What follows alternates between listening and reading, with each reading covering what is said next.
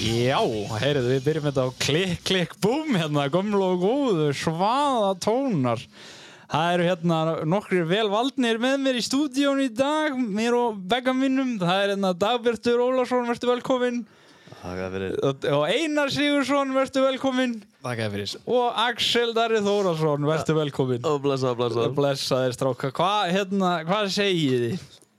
Bara ljómandi gott og, og gaman að vera hérna með ykkur Já, takk fyrir það. Já, já, Ertu bara sáttið af því? já, já Það er fín Það er flott, heyrðu, jæja uh, Ég er að spáði að byrja á þér dagbjartur Við ætlum að hafa þetta aðeins svona öðruvísi núna Við erum búin að tala við svolítið meira eldri kynnslóðinni í Team 23 hópnum Nú ætlum við að yngja þessu upp og, og ge- að, þú veist, Axel er náttúrulega aðeins eldri en hann er nýr í þessu allavega ha, ungur í anda Já, svona. ungur í anda Ungur í andan Það er samt mjög gaman Mjög gaman, þið sjá það á skegginu, sko, það er bara svoleiðis.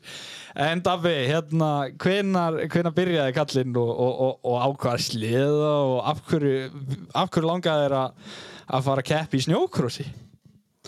Já, sko Ég eignaðist um að sleða nú bara fyrir slisni, sko einhvern tímann 2017 eða eitthvað Já, hvað sliða? Þetta er einhver Articat Snowbro 600 Búðingur 2008 kvikindi? 2008 Hælir, ok. Ógeðslega góður, sko Já, reyndar, ok. Og hérna Já, ég er svo sem Ætlaði nú aldrei að keppi í snjókarsi Eða þú veist, hafði aldrei hugsað mig það og Það var nú ekkert Haldi ég planið að erði keppni þann veturinn eins og niður Nei, ég skildi. en já, maður svona, fyrst að það fóru allir að keppa af þessu strákum þá Það ákvæmst að Lét- skráði. já, maður létt sér ekki vant það sko Nei, ég ránaði með því. já á toppstaða það var reynda topp staða þér gekk mjög vel í fyrstu keppni, ég man það og Axel getur uh, staðfyrsta, hann var að taka þetta upp sko Ah. já, já, hann tók nú viðtal við mig já, já strákunum ekki það alveg flottur Hvað var marga, var ekki Egilstaðir og Akurey, voru fleiri kemnir? nei, það var Voru bara, ekki bara- bara... bara eiginstæður það var bara ein keppni þannig auðvitað Nú, ok, ég held að það var líka Akurey þetta árið Jú, það var akkur líka sko Það var ekki það sem Hérna Já, upp í fjalli, já, í það sem ég fór- sprautin Það sem ég það fór var fram fyrir mig akkurir Það sem að ég, eina lent á þúinni og Já, ég- tók ég... Linksinn í sundur hann já, ég, ég, man, Gerði hann, hann ég var út að sjó þannig að við Já. allir að kemna Já, en þú vannst allana, fyrstu keppnina, komst sást og sigraðir já, maður var náttúrulega í toppformi þannig á þessu tíma sko. Já, já, það er Ég- ekki að hvað þér var svona góður eða? ég, jú, Jú, það var það, ok það var, var það sko Ok, ok ég, ég náttúrulega var að sjá þannig og þegar ég var í fríum og þá vaknaði ég og borðið borði Akinborgar í morgumat sko. Þú veist, þannig að það segir nú kannski yfirslegt á formið sem hann var í sko. Ég skil Þetta var nú reynda, þetta voru nú bara fyrstu skrif en það var fyrsta stóra brautinn og svona þótt sko, þannig að það átti átti, átti raunin allir sén sko Já, sko, ég man nú samt eftir því núna að í þessari keppni að það var smá vesinn með köttin samt. Nú, Hann var ekkert rosalega hress af stað. já, ok Ég held ég hef alltaf komið síðastur út af startið. En vann samt öll lít, ég man það Þú Já. sópaðir því öllu Já, á clean sweep hjá stráknum já, ég- þú veist, Voru þetta Akinborgararnir að borga sig hann ég vil meina það sko, það hafi verið eitthvað sko glundur í þessum borgurum sko. Ég held það líka sko Þetta hefur verið Markus Special hann að styrkja strákin já, já. Hann lifði á því sko Já, sko, ég held samt að hann hafi ekkert styrt mig, sko, ég borgaði fyrir þetta allt saman, Já, sko. já, já, ok, hann gerði það með hágjaða vöru þannig Já, já við getum orðað þannig. Já, en þú varst í góðu formi allan með þig og stóðst í rosa vel og þarna voru við svona að kynnast og, og þú varst svona að komast nær hópnum og svona og, og svo fórstu að gera hvað? Æfa á fullu og eitthvað eða hvernig, hvað breytist? Já, maður æfði síðan eitthvað árið eftir. Já, Keifti svo annan artikatt, sko, já, já eins, Já, snjóbrós, 600, svaðalur mót, Nei, nei, með pípum með pípum, Já, já, vinnur píp, pípur og reiskas. Sælir og Hann var þetta hrikalega góður, sko. Já, Já, ekki. já, hann og ennþá. Já, En já, hann er í nifteindum minn í skúr, ok af því að hann fer ekki í gang. Anskotin, jæja Og hvernig, hvað Þú varst líka mjög góður sísona eftir Þú fórst strax upp um flokk og varst mjög góður strax Hva, Hvað var í gangi þá? Af hverju? Já, sísoni eftir Já, já, það var hérna lánaði Bibbi mér sliða Bibbi Höfn ok 2018 hans til katt Já, nýja bodið já, Já, svona alveg geggjaður sko Já, já, sem er mjög góða sliði sko já og líka það náttúrulega, þú veist að maður var hérna, kannski aðeins betra formið þá heldur en Það er hættur Akinborgunum, þú varst í pásu í Akinborgunum já, ég fór í pási í Akinborgarunum og, og gerði eitthvað aðeins annað heldur en að bara það, bara hambúrgar sko. Ókvæmst að reyfa já, fór eitthvað aðeins að reyfa mig Crossfit og eitthvað Já, já já, Skráði í, í crossfitið og, og reyfsti í gang og eitthvað og hvað svo? ég svo bara já, þú veist, maður reyf sér í gang bara fyrir þetta að keppa sko Já, ég ánæði með því og hérna ég vann nú þannig á, á Mývatni mm? og vann ekki öll hýtin samt Nei Ég man, að, ég man ekki ég var, hvort það hafi verið annað hýtt þar sem ég flög tvisvar á hausinn mm. og reyði kerði alveg rosalega endaði samt í þriðja seti sko Já, já Ok og hérna, svo var ná Akureyrakeppni líka, ég var nú öll hýtin þar sko eh, Ég enda bara, þú veist, crossfitið og búin að leggja burgerinn og hilluna og eitthvað Já, en sko, ég vil nú líka, þú veist, sleðin spilaði nú stóran þátt í- þar inn í Já, sko það er Þú veist, svoleiðis ég- Já, ég var, hvað var þetta ekki nýjasti sleðin Jú, þá, þá? Já, 2018 Eða Já, 19 þetta þá var, þetta var veturinn hann 2019 Já, þá var þessi sleðin nú bara nýr sko já En þú ert Já, mjög eh, sko, Baldvin reyndi að kefta á honum hann árið áður á heilistöðum Já, ok Já, já Já, já, var það ekki? Jú, með minni það. Þetta var einhvern veginn svona. Og svo eh, klárar það season og, og ætlar að fá þau nýjan sjálfur. Velur Polaris. Já, það var mestu mistök sem ég hef gert Já, þú varst ekki alveg þar. Nei, ég segi svona Þetta er allt mjög góðir sliðar sko Polarisinn er mjög góður sko en- En sko Mér fannst ég bara ekki Heima þar. Nei, þú veist, mér fannst þetta bara ekki alveg Þú veist, sliði fyrir mér, mér fannst það svona Allur hár og hátt sæti Og Já. ég er nú ekkert rosalega hár í loftinu sko. Nei, skilni. Þú veist, þannig að, Hann var ekki, hann, þú varst ekki að ná tengingu þarna. nei Og skiptir, og fjekkst þér, keftir gamla köttin hans Bibba, eða ekki? Já, ef við, en sko, ef við tölum svona um keppninar sko, ég keppti náttúrulega mývanni á bólanum sko. Já, og hvernig var það? Já, Gekk ekki vel. já, Já, já, ok, það er... ég var hann eitthvað, ég, vann, ég var nú svona sko ekki í síðasta seti, Nei. ég var í næst síðasta. að sælir það er ríkalegur árangur þarna fyrsta, fyrsta, næst síðasta Já, já, ok, var það pólinn? já, en svo færi okkur yfir á köttin sko, já, þú, þú seldi pólann já, keifti köttin aftur 2018 ég, ég keppti hann ekkert aftur, ég var bara með henni lánið hann áður. já, ok, allt í lagi og vannst þér hann betri? Mm, já, köttin, ég fíla köttin mjög vel sko, en ég ætla nú ekki að segja að mér hafi gengið neitt rosalega vel á hann núna í vettur sko. nei, ég skilji, þú Ekkert, keifti ekkert betur heldur að Pálanum Hvað flög ég? Ég held ég að ég flög á hausin í öllum hýttum á Söðakrók Ég var mjög ánægð með eitt hítið Þú veist, varstu mjög framhóli bara en jás, nú, nú er þetta gáku upp hjá hún og svo flögst þessi og Ívar kerðinast í því. Já, ég var reynd að keira yfir mig eins og hann reynd að keira eða þú veist, hann reyndi ekkert að keira við drastlega spjart og gerði það já, já, ok já, það, það gengi á ímsu síðasta vettur en þú hérna endar svo sísoni á því að, að droppa kettinum og hvað? og fekk mér skitta Já, þannig að þú áttir allar þrjár tegundundar sama vetturinn. Já, Á, jú. það er bara áfært. Og náður miklu tengingu við þetta. ég fíla skitta mjög vel sko, ég er samt hérna er ekki búinn að keppa á hann en ég fór hérna, ég keiraði hann mjög mikið í brautinu þannig að þegar leikdagurinn var upp í fjalli eða daganir Já. og mér fannst hann já, mér finnst ég tengja best við hann að sleða af þessum dröm sko. Já, ok, þú veit það. Það er bara flott maður.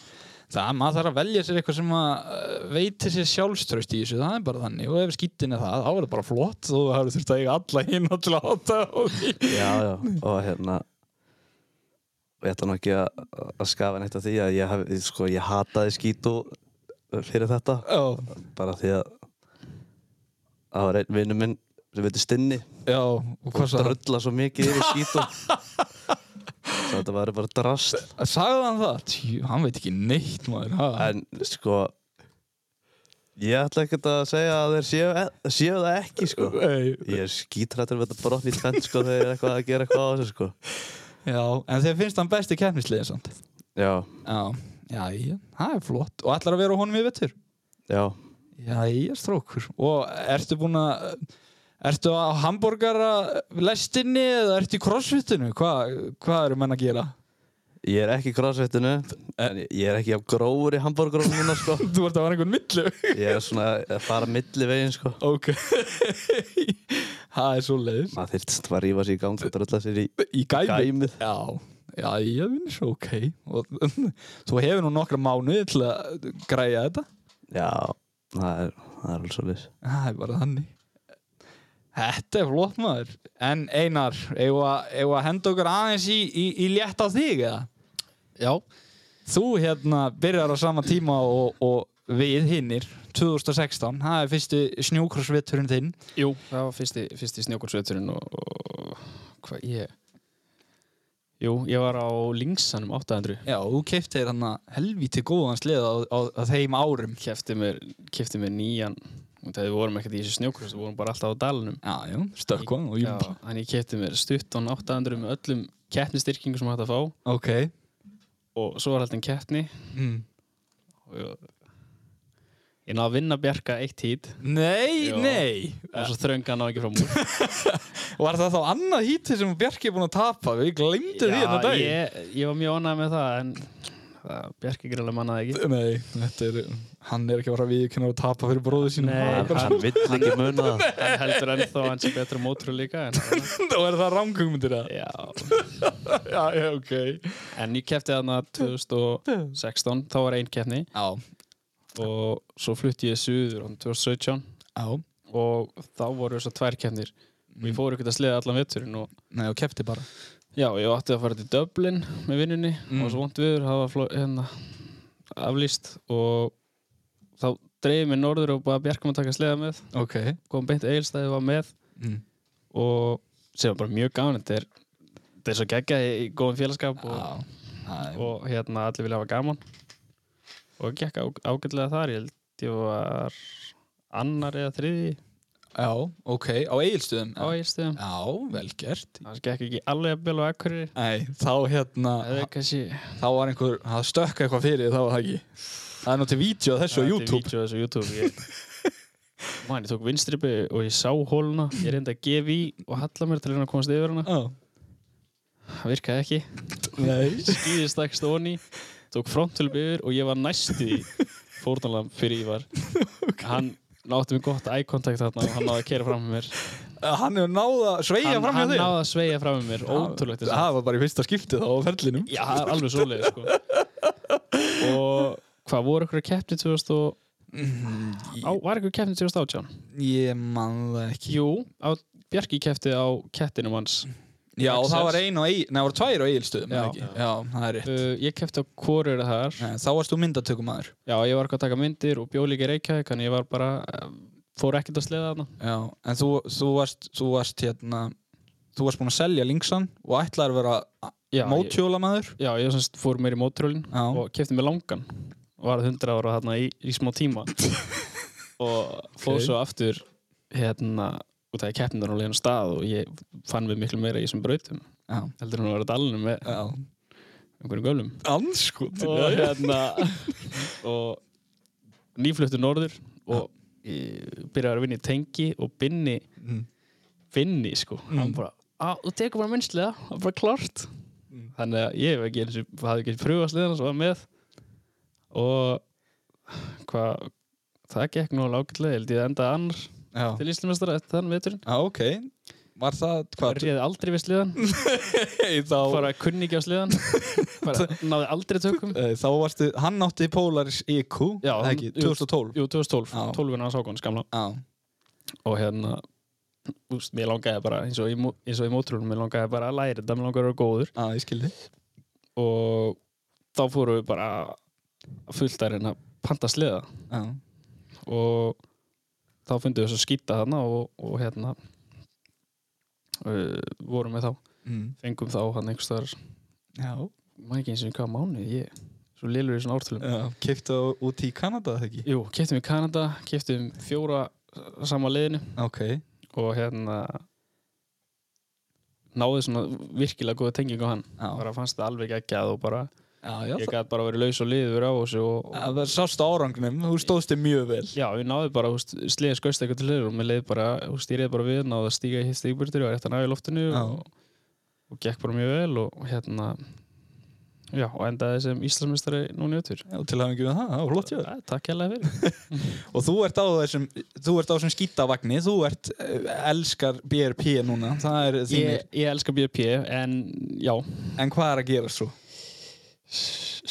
uh, hann seldist núna um daginn Nú, já, já.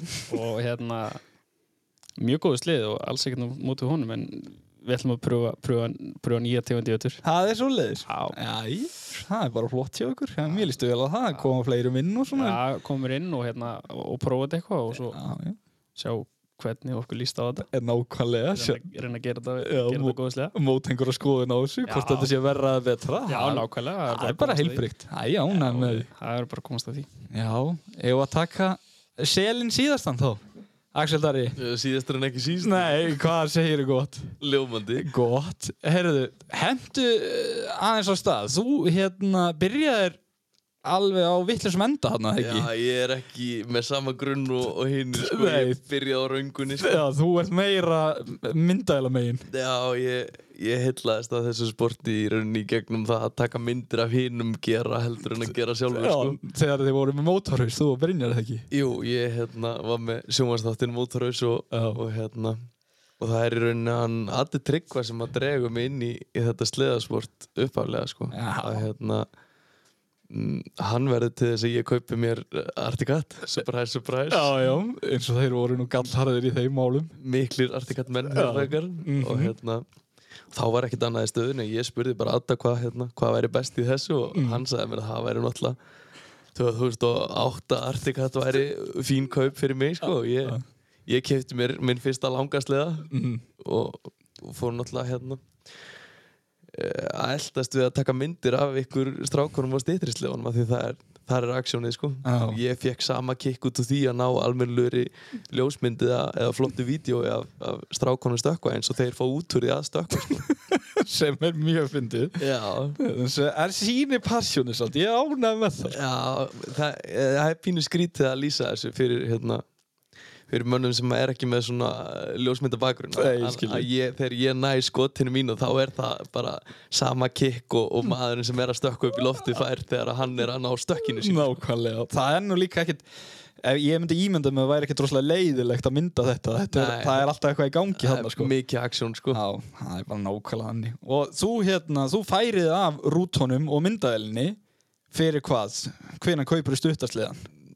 Ég kaupi gamla artikattina Spekka sem er árgett 2013 Já, Eh, Ég kaupi hann hvernar fyrir, Það er ekki 2016 e, Jú, ok, gott eða ekki 2016 Nei, eða 2017 Já, ok Ég er eins og Gunni Hákon við Ártun sko. þetta, þetta rennur allt saman Hjóðdóran sem fullorinn það sko. er allt í lagi Og þú allan að byrja að keira og æfa þig og Já. eitthvað og, Ég var í rauninni píndur í þetta Já, a- a- þú a- varst a- það. Af félögum mínum já, þú, þú varst náttúrulega þú veist, e- þú- eins og allir hérna við þetta borð í tím 23 og þetta snýrist svolítið mikið um þetta snjókrostót skiluru Já, og menn vildu svona stækka það þannig að myndavælumæðurinn var bara tekin af myndavælinu og bara keirði í ringi og allt þau varst allir voru allir búið að hissa og er ekki til hennar ljósmyndir það var því ljósmyndir að var með Já, sem að er mjög gott líka sko. en hérna já, hvenar mannstu hvernig að keppi fyrst og var það ekki bara fyrir tveimur árum síðast Jú, Egilstaðir eitthvað svo Egilstaði fyrir tveimur rónu síðan já og byrjaði bara í sportflokk og varst ítla flottur og, Já, en þú hafðir ekki hennan kannski saman bakgrunn og einar og, og þessi góðir ég er náttúrulega að keira brautarakstur í fyrsta skipti Þú veist, e- ekki á krossjóli eða neinu heldur bara, ég er að keira í akstusíþrótt í braut í fyrsta sinn Já, og þetta er svona Þetta fór svolítið svona mjög frjálslegt Já, þetta gerði En svo, svo hérna Já, ég Æ, ég man nú ekki hvernig gekk en það var svona upp ofan eða ekki Jú, jú Já, nákvæmlega Ef, ef, ef maður kláraði hítið þá var maður bara mjög góður Já, það var markmiðinu náð sko. Það var enginn að telja stíin sko. Nei, nákvæmlega Það- það, hérna, En þú, þú hérna, fórst svolítið á annað level í vetur Þú seldir köttin og fórst svona aðeins að vildir fara lengra þú, Hvað gerður þú? Já, fyrir slistni þá, þá hérna, böðst mér hann Marnú Sveinsson böð mér í, í viðskipti Já. og hérna, hann hirti af mér köttin og, og ég fekk hérna 2018 skítu Ok hérnislega Já, 600 RS kaggi Já, mm, Ægilegur og ég hérna Og þá fór þetta svona aðeins að leika aðeins meiri hundunum á þér Já, þetta var, hann er svolítið, ég, ég tengi svolítið meira við hann heldur en köttin og, og þetta er vissulega mikið nýrrislið líka þannig að það, það var að hjálpa til sko. Já, já, það er nákvæmlega lætur betur að stjóra þetta sko. Já. Já, já, og svo hérna Og svo varstu bara duglur að æfa og varst alltaf upp frá ég held ég hafi sett Íslands með tí tímum þarna upp í brautá og bílóklúfsvæði. Ég, ég held ég kerti 40 frekar en 30 tíma í brautinu. Já, Sko. þið voruð að fara nokkra ringja þarna með, og hún var nú bara í þrjár vikur Já, eða eitthvað, þannig að þið voruð mjög duglegir og enda sást það þú varst e, komið með mjög góða stjórnana og orðin flottu strákur og, en, en svo bara, hvað, líka ekki lengur við þetta og þú, og þú, þú seldir hann Já, ég... Má segja þessa sögu. Já, ég segði þessu sögu að vinur minn ringdi í mig klukkan hálf tólf á, á nóttu til og og ég var að græja hérna, ég var út í bíli að græja sleðaferð fyrir pappa minn og, og, og gömlu kallana vinnans þeir voru að fara í einu svona rútuferð sem þeir fara einu svona á ári Ok, og félagið minn ringir í mig og, og spyrir mig hvort að ég ætla að vera sami auðmingin og allir vinir mínir og, og selja sér ekki stutta skítu keppnislega sinna og ég þurfti að hugsa þetta í augna blik og ég sagði, jú, jú, jú, ég meina þú getur alveg kipta hann eða þú vilt, sko og við sömdum um verð og hann millifærði bara á mig og, og ég fór bara með hann og tók reyni um kvöldið og, um nóttinu og skildir hann eftir já, og varst sliðalaus og var, var þar með sleðalaus og, og og keppni eftir viku eða eitthvað já, já og þá voru góður á dýr þá voru góður á dýr og ég ég keipti annan skítu úr þessu holli sem að Einar talar um að hafa flutt inn sko Já, af þessum 2020 keppnislegum sem komum frá Kanada já þá varstu komin bara beint á nýjan þá er ég komin beint á nýjan og, og pröfaði hann í fyrsta skipti í keppninu Já, en það, leinitryggs En það var samt kom ekki þetta sög sko, þú stóðst þig mjög vel og varst flottur og þú veist, það er bara eins og það er Já, ég er mjög þakkláttur fyrir að svo keppni var sínd í beinni útsendingu Já, og Valgir sem áttist leðan hann Já. gætt senda á mig jafn harðan þú ert að gera þetta vittlust, þú ert að gera meira svona Þannig að ég kerði bara eitt hít og fór svo að skoða þess ímann já þú varst með mann á baku tjöldin Já. og það. já. En þú, þér gekk vel, þú hvar endaður í þessum flokk, sportflokknum Man, Ég, ég enda annar í, Já. í þessari til keppni. Íslandsmeistara Já. já, já, já, já og rétt tapa fyrir Bjarka Jó, eða ekki? Jú, jú. Já, já, já hvað Það van, mun, muna engu En hvað vantaði upp á til þess að eh, hafa Hestlumunin hann Er það formið? Hjá mér, nei Nei það, er, sko, þetta, er, þetta er reynslan Já, ok og það sem meira er að það sem Einar Sig er búin að kenna mér í allt sumar það er brautarakstur Já, þannig að þú Ah. ætlar að vera skæður í vetur Já, að velja línur og að kunna keira braut og það er það skiptir svolítið miklu máli í þessu sko Já, nákvæmlega Það er bara nákvæmlega svo leir Og hvað, hérna, ætlar að vera á þessum 20, 20 skýta eða ætlar að fá þér annan og... Nei, ég tengi rosa vel við skítúin sko Já, ok, nákvæmlega Það er bara flott hjá þér Og hérna, ætlar að keppa aftur í sport og reyna á Íslandsmeistartitli eða ætlar að fara upp í miðjuflokk eða? Nei, það er búið að skora á kallin Ég er að fara upp um flokk og keppa við Stærri strákana sko Það er svoleiðis Já, já. Já, Þú verður að fara bara Íti brauti bílaklúsraðinu og fara að Já, drífa þig. ég, það er bara um leiðu að snjóar þá er ég að fara að æfa mig sko Já, það er klárt, mér líst mjög vel á þetta Já, þetta er flott, það er gaman að sjá hvað gerist En hérna, ég var að spá í að, að við förum svona breytum aðeins til og nú ætlum við bara að taka svona opna umræð um svona málefni vetrains og hvað sé að fara að gerast og svona dót, hvernig líst ykkur á það? Hérna, mér langar að breyta aðeins til og við ætlum að tala um þetta félag sem að allir þessi strákar eru í rauninni búinir að að saminast í sem að heitir Team 23 og er ástæðan fyrir að- að að við erum með þessa þætti og svona dótskilur er þessi hópur og Bersvinn hérna er mættur Já, komdu blessa verður velkomin Það eru bara fjóri mækur og við erum fimm Í það var svona smá krísja hérna í stúdíónu Þetta láta í minni pokan fyrir dagberti Já. Ekki í fyrsta skil Nei, já, hann sko En hérna, já, við ætlum bara aðeins að fara yfir söguna bara, strákar, þið munir svona sirka hvernig þið byrjuðu, menn það ekki? Einar, þú varst nú eitthvað búinn að skoða þetta Jú, ég fór hérna fyrir eh, þáttinn og skrólaði niður í grúpun okkar. Ok, Uh, Hvenær var það? 2014? já, þetta er svona 8. júni 2013 Já, þá skrifaði Marino Já. þannig inn, mm. snetti grúpa fyrir ferðir, Já, fyrir sleðaferðir. við ætlum að vera gamli kallar þá Já, og það er svona, það byrjaði þetta. Marino heldur bjóð til þessa grúpu og, Já. og við komum okkur öllum inn í þetta og, Já. og saman okkur alla. Já, nákvæmlega, og þetta Hann- hét náttlega Slednex Þetta- Akureyri hétt það fyrst. sko. og- Grjótart ná Já, mjög flott nafn hann þekkti alla svona eitthvað smá og smá og, Já, jú og eftir að allir komið í þessu grúpi þá bara kynntust þau enn Já, betur og verðum nákvæmlega. allir gó- mjög góða vinnir Já, hann, hann saminnaði þetta svona svolítið hann samin og og við vorum 23 þegar við byrjum Já, og þess vegna, eða, þú veist, það er eina ástæðan fyrir nafninu sko, og svo við, náttúrulega við höfum já, ekkert já. annað nafn, Nei. við vissum ekkert hvað þetta Nei. átti að Þetta er náttúrulega að byrja Sko eins og ég var ekki í hópnum með þetta byrjaði sko. Nei. Þú veist, þeir, þeir voru þannig Nathan og, og þessi strákarinn alveg fyrst Já, Já. þetta voru svona giljaskóla strákarnir Já, og svona einmitt. gaurar og svo ég og einhverjir svona, Ívar Mm, Svo og bara einhver gaurar bætist í þetta svona jæmt og þétt Já, og, og nokkri duttu náttúrulega út og þeir sem hættu og eitthvað og, og, og svo er þetta bara orðin að þessum kjarnar sem þetta var svo í dag, skilur heita já, og þú veist að eh, ennþá munur örugglega fleiri bætist í Já, þetta. já, Það er bara- nákvæmlega. bara sér kjarni og, Ef og, að- og, góð félagskapur sem Já, þetta er, sko. ég, ef menn eru hressir og skemmtilegir og hafa gaman að þessu og lifa og, og, og, og anda fyrir þetta þá er það bara ekkert mála að koma og vera með strákunum og kynnast og fá inngöngu í félagið sko Þú hmm. veist, það er besta við þessu grúpu það er svona 90% af þessu grúpu Já.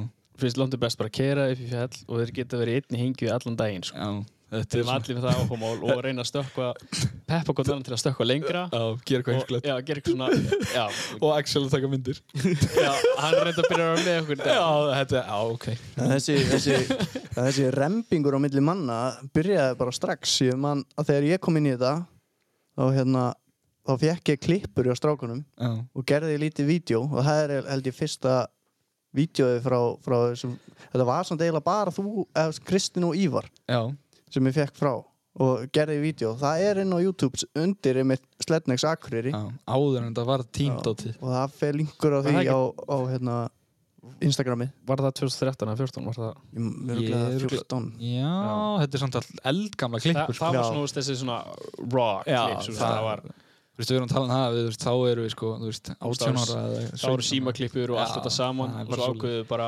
árið eftir þú veist, með okkur langa að gera Nei, þetta næsta það var þa- þetta er stutt vídeo sko Var þetta stu, já, bara stuttmynd, bara lítil? Já, bara, já, þetta er bara jú, vídeo Jú, já, ég maður Já. þetta. En svo hérna 2015 okkur, þá ákveði að gera þetta alminnilega. já.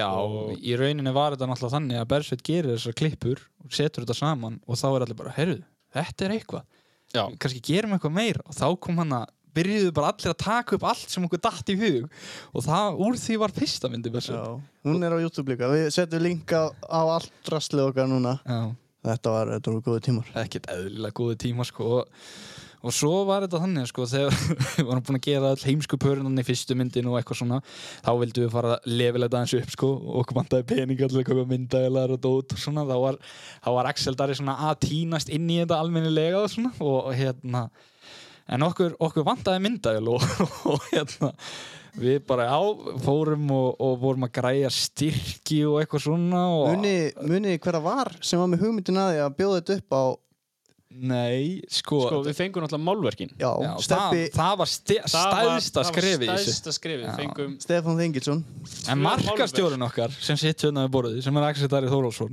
hann var líka að selja styrki í fyrirtæki og svona dót Já, og svo rótuðu þetta bara með ásatíðina hana þegar við fengum gefin smálverk frá honum Stefáni Þengils Það er ekkert og betra en- Það var uppbóð, uppbóð á þeirri ásatíð, sem er mesta ásatíð sleða- ás- sleðamanna. Já. það er algjör tippakeppni í þessi ásatíð Það er Það ekki er að betra en kaupa að sem lottó gæði. meðan- Nei, nákvæmlega, þú ef þú peppar á vel þá er þeir alveg á útopnu Það er bara rauðinsflaska á borði og svo bara beðið smá og svo er búið upp. Það var alveg þannig, ég man ekki hvað okkur vantaði einu og hálfa miljón eða Við eitthvað náðum að safna þarna einhverjum fjögur, 500 úr skalli Já, við seldum eina mynd á 400 og eitthvað og hina á 300 og eitthvað Við fengum eitthvað 700 og eitthvað þúsund þannig að mannst þú þetta betur, Axitari? Þú Nei, varst nú þetta er cirka svona sko. Já, þetta var, við seldum eina og Man- svo bara fórum við eitthvað að rópa og kalla þannig yfir salin hvort það væri ekki einhver með pung hérna Ég man að, ég og man þá að, rifu verðið upp hann að við grætum 150 úrst á því ég man að Gummi Eldhaf kefti aðra myndina. Já, ég man ekki, Já. var ekki einhverju storm sem kefti Já, fyrir myndina einhver sunn- Einhver sunnendingur hérna. Já, minni það þetta Það var voru allan- góðir menn að bjóða Já, í, sko. allan, Ég vil bara þakka þeim kærlega fyrir því að þeir eru e, ástæðan fyrir þetta held svona áfram og, og, og náttúrulega næsta skref hjá okkur á þessum tíma eftir að við vorum búin að gera myndina var það að okkur langaði alltaf að, að, að byrja að snjókrossa eftir skilur Mm. Já, en Og- samt er að þessi, við tókum þessa mynd Já, og þú veist, við vorum með myndaðarna alltaf uppi náðum einhverju alveg mjög góð efni já, og okkur langaði, langaði að halda frumsýningu á þessari mynd já og Já, sí- sem við gerðum. sem, við gerðum, Já. sem ég bara gleymi aldrei sko. við náðum að halda frumsýningu og fylltum pósthúsbarinn Já, af fólki Já, fylltum pósthúsbarinn af fólki og 300 manns, nei 300 manns, Það var- það var- 300.000 manns 300 manns. stáðust ári sleðar fyrir utan og hjól inni og Já, við fórum með tækina þetta var ekkert ég eðlilega mani fór gaman mig mótrölu mitt inn og það var einhverjum stóru standi og eitthvað, mm. það var það var alveg, það var gott sko. Já, við gerðum vel þannig sko, við Þetta var gerðum svo það aðalegt. Já, þetta var mjög gaman sko Og þú, Axel Darri, þú varst í klippinguna á þessu og þú og Bersveit voru að hjálpast að, svona, Já, að, já. að raða Þess vegna er hún svona kannski aðeins, ég segi meira professional Já. heldur en, heldur en fyrri sko Hún hleypti þessu upp á nýtt plan Já, hún gerði þannig Mm, En- bara Hún var gerð með alvöru tækjum og í alvöru stúdíu. Já, það er bara svo leið Gat ekki klikka með alvöru mann líka. Já, Það má nú ekki draga úr bergsfinni Mhm. Við vorum saman í þessu nei, ég, veit, ég er ekki að því en þetta, þú veist, þetta er bara svona En við vorum búin að vera mjög duglegir að, að sækja spons, litla, svona minni sponsa í fyrirtæki og Se, Þið selduð auðlýsingar við seldum auðlýsingar í byrjun Já, myndarinnar við gerðum það sko, við selduð Það er, það er mínútnu glippað eða eitthvað bara af sponsum. Já, í fengum, byrjun. fengum, var ekki 50.000 fyrir stóra og, og 25 fyrir litla Það var eitthvað svoleiðis, Ég sko. minnir að þetta hafi verið þannig og við, við borguðum einmitt myndaðil og búnað og drastl fyrir þetta allt sem við fengum sko. Já, Já, núna margt smátt greitt sko. stóð Já, bara svoleiðis, við þurfum bara að hendi í einhverja En svona ég, fjáröflun. ég held að þetta póstusbar frumsýningakvöld hafi ekki ennþá verið toppað sko. Nei, Þetta var rosalega Ekki á okkur, þetta var geðveikt gaman sko, þetta var rosalegt og við- ég var í miklu verka til í að halda þetta svona skilur eins og eftir mót og svona dót sko og smala saman í svona og fá umræði í gang og tala við strákanna og Algjörlega sko Þetta er bara eitthvað sem við þurfum að fara að gera núna þegar COVID er að fara að læja þessu svona dót, skiljum Já, þetta er nefnilega ekkert bara að keira sleðan Nei. hringi í einhverju braut sko. Þetta er Það, umstangi líka ég sko. er sammála því, sko, það sem Hún að... reyna að rekka verslunum. Já, við, Nei, það, þú veist, það er bara það sem að... fer- Ástæðan fyrir þetta ber svona höfuð að herða fyrir ofan meira er líka þessi hópur, skiljur og þessi, þessi strákar og, og, og þetta fólk. Þetta eru allt saman létt klikkaðir einstaklingar. e- e- Það eru flestir hann sem eru svona svipu kaliberið Þess vegna tengjast þeir svona hart Það sko. er alveg þannig, þetta er bara svo lím þarna, allir saman í vöðlaðir þarna, Já. geggjað sko, menn, og ennþá 20 gæjar eða eitthvað í þessu sem að koma að þessu öllu skilur, Já. þannig að þetta er ótrúleitt, en þetta er nú þannig sko, þannig að þegar við vorum búin með myndatökurnar, þá var næsta skref, Bersveit, og það var að- að að koma snjókrossinu á aftur á fætur Já, og, og þá svona fórum við að ranna inn svolítið mikið að meisturum og svona dóti í kringum okkur sko, og það var bara aftur gengi í, í, í sama mann og, og retta okkur myndunum Já. fyrir hérna uppbóðið. já, já, Það var það- Stebbi Þengils. Stefán Þengilsson hann,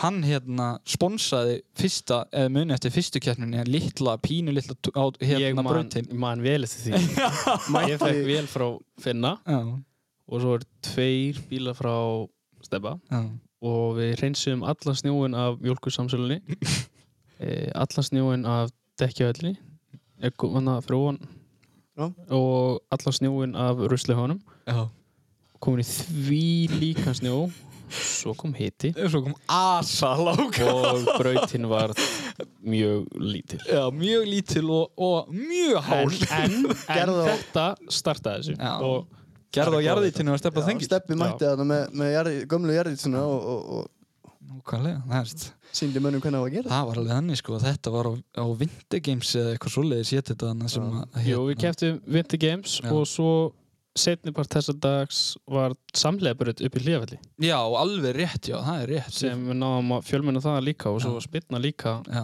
við heldum svona góða helgi sko með að við, að, þú veist, hvað við vorum hann en alltaf bara börn og svona sko Þetta var alveg magna Þetta var algjör snilt og þarna svona náðum við svo stað og þarna náðum við inn eins og strákum fyrir austan við náðum að, að vekja þá þarna Það mætti ótrúlur fjöldi á keppna að keppa sko Já, Já. mjö- miklu meira heldur en bjögust allir Já. Við heldum við erum bara 7 eða 13 eða Já, og, whatever. og heldum að kemur fjórir að horfa á sko. Þú veist, það var ekki alveg Það var ekki eins og búið að gera ráð fyrir hvar áhörundunar ætti að Nei, vera sko, eða nei. hvar þeir ætti að leggja bílunum eða neitt sko. Það var alveg þannig sko Svolítið teppa þarna En þetta var allan til þess að þá að kviknaði rosalega áhugi, áhugi í austamönnum og sérstaklega maður sem að heiti Kjartan sem að stóð rosalega fyrir því að- að að- að koma þessu á næsta plan Já, skilur. hann fór alveg í fjórhjóla Hann gerði það nefnilega og fór að, þú veist reyna, að pí- snúa upp að hendina á stafdalsmönnum og þessum gaurum og bróa og stessa og þessum strákum sko þannig að Hann djöflaði þessu í gang hann gerði það nefnilega strákurinn eða kallinn og hérna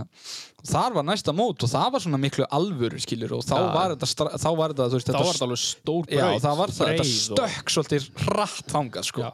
Það var ógeðslega gaman sko. og þannig, að, þú veist, þannig fór þetta nú bara á stað sko. Já, þeir eru höfðingar heima að segja þarna start eh, fyrir austan Start er rosaleg sko. það, þannig að þú veist þannig, þannig, þannig endurlífguðu við þetta svona óbeint skilur við. Heldur betur þannig að það var rosalegt og þetta félag er náttúrulega algjör snild þegar kemur að svona hlutum það er alltaf bara stokki á stað og reynd að gera svo best úr þessu skilur við. og menn eru yfirleitt ekki mikið að bremsa og Nei, það við er erum- jákvæmt sko, Já, ekki þegar þegar- kemur að svona sko. Þegar vélinn er farin á stað þá er enga bremsur sko. Já, þegar það er að láta eitthvað gera, sko, þá er mjög gott að heyri einhverjum úr þessu, sko. Það er bara svoleið, sko. Þetta eru algjörum meistarar og, og eins og Bjarki og þessi gaurar eru búin að vera og fáránlega duglegir að, að snúa upp á hendurnar á fólki og svona, sko. Það Já, er eins og, bara svoleiðis. svo, eins og sá sem sáum skíðasæði fyrra Já, Aron Snorri já, hann var æstur í að búið til bröð hann fekk leifi og bara sendi okkur hérna, ef Já. við búið til bröð, viljið þið mæta já, með tvo æfingadaga fyrir okkur í fyrra. Já, bara bara ef, við- stafdal. ef, við- ef við býtum bröð, viljið þið mæta Já. Hann bara,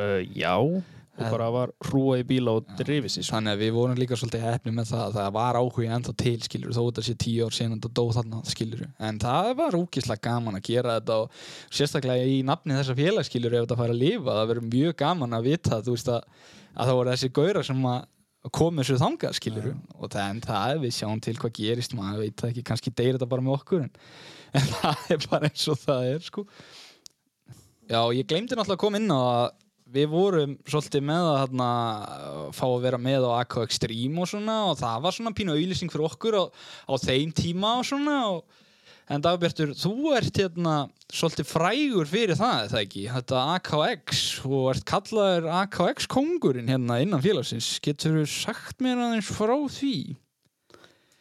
Nei Nú, Jó, jó Ég, ég hlýta að geta Já, það er ekki Ég kýst það ekkert að vera að kalla þetta á Mér finnst það fáránlegt sko. En hérna, Bjarki og Einar eru mjög dugleir í að kalla með þetta Og- og Vertikakakskompan e- Ef ég ringi í annarkot þeirra þá svara þeir alltaf bara Er þetta AKS kongur? Ég, ég, ég er alltaf gubbanast ég bara upp í mér þegar ég heyri þetta sko sem er betra en af hverju dagbjartur kallar þið AKX kongin þetta er út af íþróttum sem þú stundaðir áður en þú byrjaðir á snjósliða Já, ég var á hérna, snjóbretti já, já og hvernig gekk þér og hvað varstu gamall Já, ég- ég var 16 ára eða eitthvað og hvað gerðir þú? Ég rústa þessu Þú vannst AKX Dream, það er bara svoleið 16 ára gamall tittur með sítt hár og bleika húu og þú átt gullringin ennþá eða ekki? Jú, Já, jöfnli kallin, flottum ha. en það er besta við það hvernig þú vannst að þú lést vaða í double backflip sem varst ekki múin að ná að lenda nei, ég hafði reynt það einu sinni áður Já, og, og en ég þú- lendi á hausnum já, og pissaði blóði eftir já þannig ákvæmst að fara þarna bara að fuck it Já, gott að gera þetta af fjóruða gámi eða hvað sem að rönni er hátt og láta vaða það Já, ég meina þú veist þetta, Jafna sig. er- þetta er nú samt bara eins og skiluru ef maður er að vippa á sleða eða eitthvað Já, og sérstaklega ef maður er að gera því eitthvað að fyrstu skiptunum að þá kanntu það ekkert sko og veist ekkert hvað það að gera sko Nei, en þú vissir hvað þú varst að gera þarna allan að nót til þess að lenda og, og ganga heim í ringin og eignast titilin AKX-kongurinn já sko þegar ég lendi að þá sko áttaði ég mig ekki einu sinni á því að ég hefði lend sko. Ég skil Þetta var En rosa ein, ein spurning, þetta var hundahefni Já, var það er svo ein spurning, hefur lendið þessu aftur? já, Er það? já, En Þetta segir samt svo mikið um, ég elska þetta, þetta segir þér allt sem þú þarf að vita um Dagbjörn. Hann er bara all in og hann hugsa bara, að það eru 5.000 manns að horfa á Já. minni í gílinn og akkurir, Gæti ekki það verið er best það. að henda í doppul backflip, ég hef aldrei gert það Það er áður. nákvæmlega þannig, hvernig vinn ég þetta? Já, ég gerir double backflip ég, ég hafði gert það áður en, en það, það var bara eitt og hálft Það var gott að klára það þarna bara Já, en, já, já, Davíð, þú var snjóbretta maður og þeir eru nú yfirleitt frekka góðir á sliðum og sér bara eins og Bersvein og þig og svona þessa stráka Beggi er nú búin að keppa Í Beggi er líka sko, AKX sko, hann er Hann tók- drottningin Hann tók, hann tók, drottning, hann tók mörg ári snjóbörtinu og færa svo yfir í, í sleðan sko. Já, þessi strákan er alltaf, það er eins og ég sagði við Dabba þegar hann var að byrja að sliða það er, hann er því örgulega mjög góðu sliðamæður og það er að hann væri svo heilalaus á, á spónaplötunni sko að það væri alla líkur á að hann eru góður að sliðanum líka Það er alveg svoleið sko. Það er bara hannig Þeir byrjuðu þarna strákarnir og þú byrjaðir í motocrossin einar Jú, ég, ég var í, ég, hérna, mótkursun, ég náði mér aldrei í þessu spónuplötum. Ansku þú, þú byrjaði í motokorsinu 2016 að það ekki Ekki alveg, ég byrjuði þarna sex ára. já, já, já, Þú varst aðeins lengur að ná toppnum sko Já, þú veist, ég, já, já. Já, Ég byrjaði þarna en 2006 og varst lengi á toppnum eða ekki Það þú kallaði geitin hérna að vinni einu ég fekk að vita það fyrir að hlusta á eh, podcastin daginn.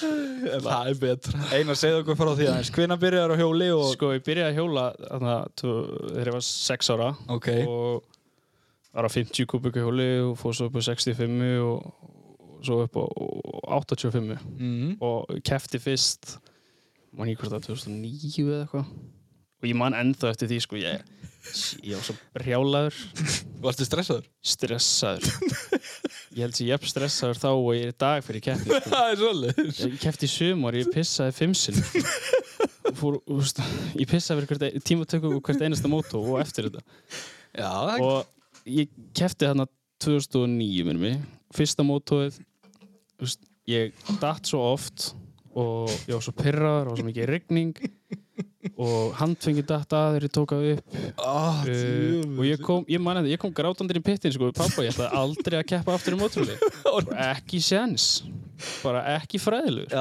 það var sennilega ég þetta fyrstu skiptur og lögst á pappaðinum já, ég ætlaði bara aldrei að keppa aftur og pappi talaði mig að að vera nú með Ok ég náði startinu í næsta, næsta hitti mm. og fyrstur út af fyrstu begi í mínu fyrstu keppni, ah, öðru mótóinu Ok brá svo mikið að ég náði þessu að ég sló af eftir aðra begi Já. í sjokki að ég náði þessu og þá kom Eithor Einarsson fram með mér úst, eitt pústi hétt Big Gun og svo stórt ég kom nefanum inn í það og háaði henni í og mér brá ennþá meira að hann kom og, og úst, þetta síðan var ég bara með og svo næsta þá var ég byrjað að ná ég var svona fjórðasetti þá Ok og svo annarsæti og svo var ég íslmestari í 85 flokknum Já. og fóð svo upp í flokk og slasaði mig það árið og var ekkert með og svo næsta árið og ég held ég að enda annars ég var mjög mikið í öðru sæti annars sko. Á eftir hverju eftir, ég var eftir Guðbjarti þá Nú, já, já, ok og ég var mjög mikið í öðru sæti sko. Þú hérna- ert silfudrengurinn Ég var silfurdrengur sko, og svo var tvö- úst, 2015 þá uh, var ég ekkert með ég bara svona áhundafnaði bara Já. ég nenni sér ekki Nei, ég skildi og svo 2016 og kipti mér hjóla aftur og var og, með og flytu suður eða ekki Eða 2016 var ég ennþá heima Já. var ennþá heima akkurir og var svona með og bara, veist, ég vil bara, veist, ok já, Þú vildi bara hafa gaman vildi hafa gaman og svo bara svona lók 2016 og bara Já. veist, náði ég að berjast yngu, veist, hann datt í fyrsta híti Já. ring og ég náði að berjast við hann og var annar til íslumestara mm.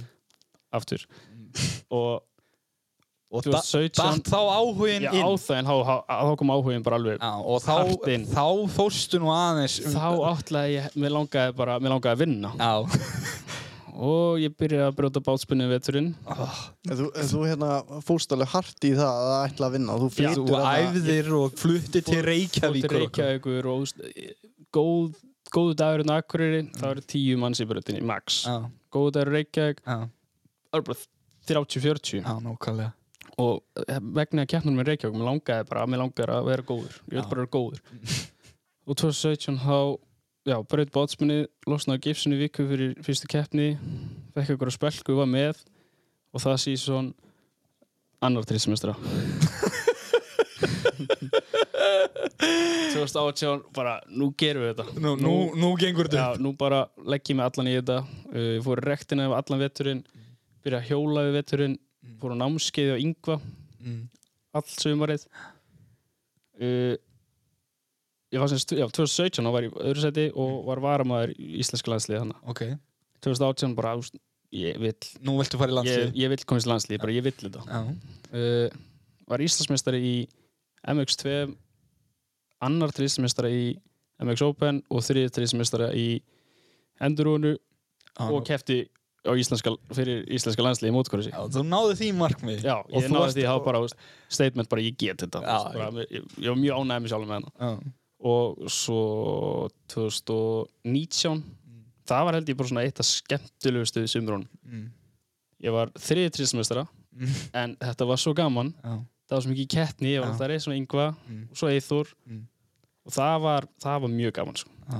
það var skemmtilegra var það síðasta sísónið þitt Nei, það, síðast sísmut var 2020 en 2019 var skemmtilegar heldur en 2020 og ég var Íslandsmeistari í MX Open árið 2020 sko. það er svolítið Já, ég skemmti mig bara svo miklu meira árið 2019 Já. á hjólinu og allt þetta og 2020 var svona veist, jú, það gekk allt upp en mér fannst það miklu skemmtilega árið áður, sko. Já, ég skildi. Þú vildir hafa samkeppni. Já, og yngur hættur, eithor og meittur og áhugunum meira að byrja að dafna áttur Mm. Já, ég skildi. Og þá fór ég svona meira fjærlega, mér langar að verða góður að sliða næst. já, þú veist, þá fóru allir félagskapurinn er, þú veist, fluttaður heim Já, og allir félagskapurinn er á sleða Já. og þú veist, mér langar, mér langar alveg að kunna, kunna vel á sleða. já ég skildi. Þannig að næsta markmið, það var að verða Íslandsmeistur og snjósliða. Já, Sem þú náði svo. já. en núna bara, og næsta ráf fyrir upp stóruflokkinn og hérna bara að reyna að ná tökum á þessu almennilega. Nákvæmlega. Og, og handróta bróðin hann. Já, Ekki. Bróður mér hefur náttúrulega margra ára reynslu. Nú, Í já, þessu. já, já, já. Og Hann er reyndar hérna, en þú. Hann er reyndari, en Mm. ég meina, það er engin afsökun, maður gerir bara Já, alltaf sitt besta. nákvæmlega. Ég meina, það er bara gæmið og hlaupa Já, það er gæmið. og setja laxarolju í matinnar bjarka kvöldið áður. Já, láta fara frá hann kjúkling og eitthvað. Heyrðu, Bjarki, svo er bara matur um hér annarkvöld Alexi Eldar Lexa eldar og Það er bara nákvæmlega þannig. En þú, Axel Dari, hvað, hérna, hverjir eru þér svona þínir, af hverju grunnur er þinn í íþróttum? áður en- Enginn. Engin? Enginn. Ljósmyndun? Já, Það er svoleiðis. Nei, það, það, það, það, það, það leynir sér ekkert þegar ég er í brautinu Þú ert að horfa á ljósmyndur sko. Ægilega góður í fingrunum, sko, en restin svona... Uh, og fylgir bara Já, ég skildi. eins og flaggi fánast einhvern hérna á eftir dýrin og sleðan Jæja, vinnur, ok. Það er bara svoleiðis. Menn hafa bara mismöndi grunn í þessu. það Nei, er bara ég, svo það er. ég hafði alltaf, alltaf mikinn áhuga á tækjum og, og öllu, öllu sem að heyrist hátt í og fer hratt sko. Já, ég meina, þú varst nálega að keppa þú eins og átti kamar Já, og varst ég- í spinnum og einhvers byrjaði einmitt þarna sko. ég Já. byrjaði í bílasportinu og öllu sem er á Malbyggi sko. Já. en ég held mér rosa við það ég átti racer og, og, og, og fór hratt á, á göttunni sko. en ég hafði lítið farið út fyrir og lítið kert í braut sko. Ég skildi, þannig að það er svoleiðis já, já, en þú varst nú samt þú tekur þessu alvarlega með það að við hafi ekkert verið svona keppnismæður innan gæsalappa, þú veist, þú veist allan að hvað þarf til og svona Já, þetta kom mér rosa óvart með að við hvað ég er blöytur og bakvið erun í þessu að þegar ég er loksins píndur og stað í þetta og er í venduðu umhverju ég hef ykkur allan til þess að haldi hendin á mér í þessu, skilur mér er sagt, þú veist, það er engin, engin prestur í þessu, þú, það er bara þér er sagt til Já, eins og þú sért uh, þræll Já, það er, þér er eiginlega lesist ekki, Já, sko, og- e- ekki illa meint það er allir að segja, það er að standa uppréttur og og ekki tína bensinkjöfni ekki tína fólk í bensinkjöfni og Hann Dabbi reyði spurði mig hvort það væri nokkuð bensíkjum á sleðanum mínum Já, Aquax kongurinn að láta þig heyra Já, Hann með punginnir og njám og, Já, dreng og þú er hérna ekki alveg komið þangað ennþá en- Eða þarna Hann er byrja- allan hann er byrjar að síga Já, já, það er kúlnir orðna mjög þunga Ég núna held í alvörun að sleði minn drifi bara ekki palla en, en svo kom hann bara að ljósa Það var að því að ég var búinn að týna bensíkjum Ánskjóð sko.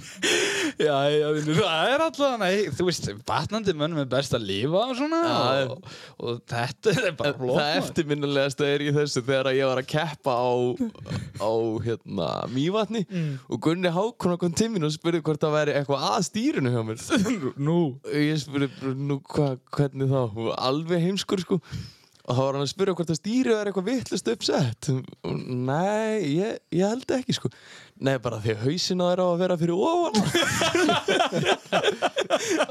fannst hann ég sitja full aftalega á Ég slöðanum skilði með hausinn grafin undir stýri Já, hann var pín að benda mér á það mjög kurtis að ég var á kolröngum slasta á slöðan Það er reyndar eina vitið og það er geggja með þetta einmitt að þegar menn koma það er, þú veist, þú veist það hljómar harkarlega það er ekkert verið að meina neitt þannig Nei, nei, skilur og hann er bara að benda þér kurtis á það að þú stendur við það er bara svoleiðis nákvæmlega En hérna, Kristín, Jep, nú erum við búin að fara yfir byrjunum hjá þeim Já. og við höfum nú farið yfir byrjunum hjá mér engtjón. já Við höfum eftir þig. N Já, Við höfum eftir að fara yfir hvernig þú Hvernig byrjaðir í svínabóndin- þessu. hvernig svínabóndin ég var byrjaði í bara lítill og var í svínásinu og móka skít og svona og Já. eignaðist vel sleða svo kerði ég ringjaðan í kringum bústæðin og það var hægt að stökk við veginn og ég stökk bara við veginn þangað til að þú veist það var eiginlega ekki hægt að stökkva meiri við veginn Hvaða sleða varst á þá? Ég fekk eh, Farðu nú yfir þetta, drengur. Á ég farið í söguna mína? Já. Æ, já, vinur, ok Sko um, Ég fekk 250 Indie Indie Light sem var búið að setja sko einhvern einsýlindis mótor úr einhverju dóti sem að er sennilega ekki til í dag allavega hann var, þú veist, 25 stöflega eitthvað og ég keiriði bara í ringi og lærið að keira hann og, og, og, hann var, þú veist, ég var það lítill í konungi gang og svona en ég hef verið svona 7 ára og svo eignast ég 377 kubika e, skít úr Skandik Já, sem takk. aðalegur þannig að ég er BF BRP megin eh, þarna allan en svo hérna já, ég keira hann og við strákarnir förum alltaf heim úr, úr þeilamerkur skóla sko, með rútunni og svo bara hendu okkur á bak og skítarum og keirum bara þangar til að hann vilar eða bensinlaus eða eitthvað og ég gerði þetta í nokkra vetur og svo hætti ég á sleða þangar til ég er 10 ára og e, þá kaupið pappið 700 Pro-X handa stráknum sínum Já. og bíluð upp á þeir sem var tjón Pro-X. Pro-X kvikindi, X2 hétur með Volker Evans ringin og ég veit ekki hvað og hvað maður og þá var hann að pallur og eina sem ég gerði var að keira upp og niður hann að pall í svona tvö ár þannig byrjaði ég sko og þegar ég var búið með Pro-X-in þá lærði ég að fara upp í fjall og svona og svo er ég bara að elda pappa minn alla leiður og ég er búin að keira alveg rosalega mikið og sjá svona aðeins meira heldur en við höfum verið að gera svona síðustu missir allavega Fórstu þess að ferðir á þessum Pro-X? eða? alltaf þessum Pro-X og svo þegar ég fekk IQ-en með 12 litra tankin sko, trail tankin sko, á náttúrulega, þú veist Er það 440 IQ?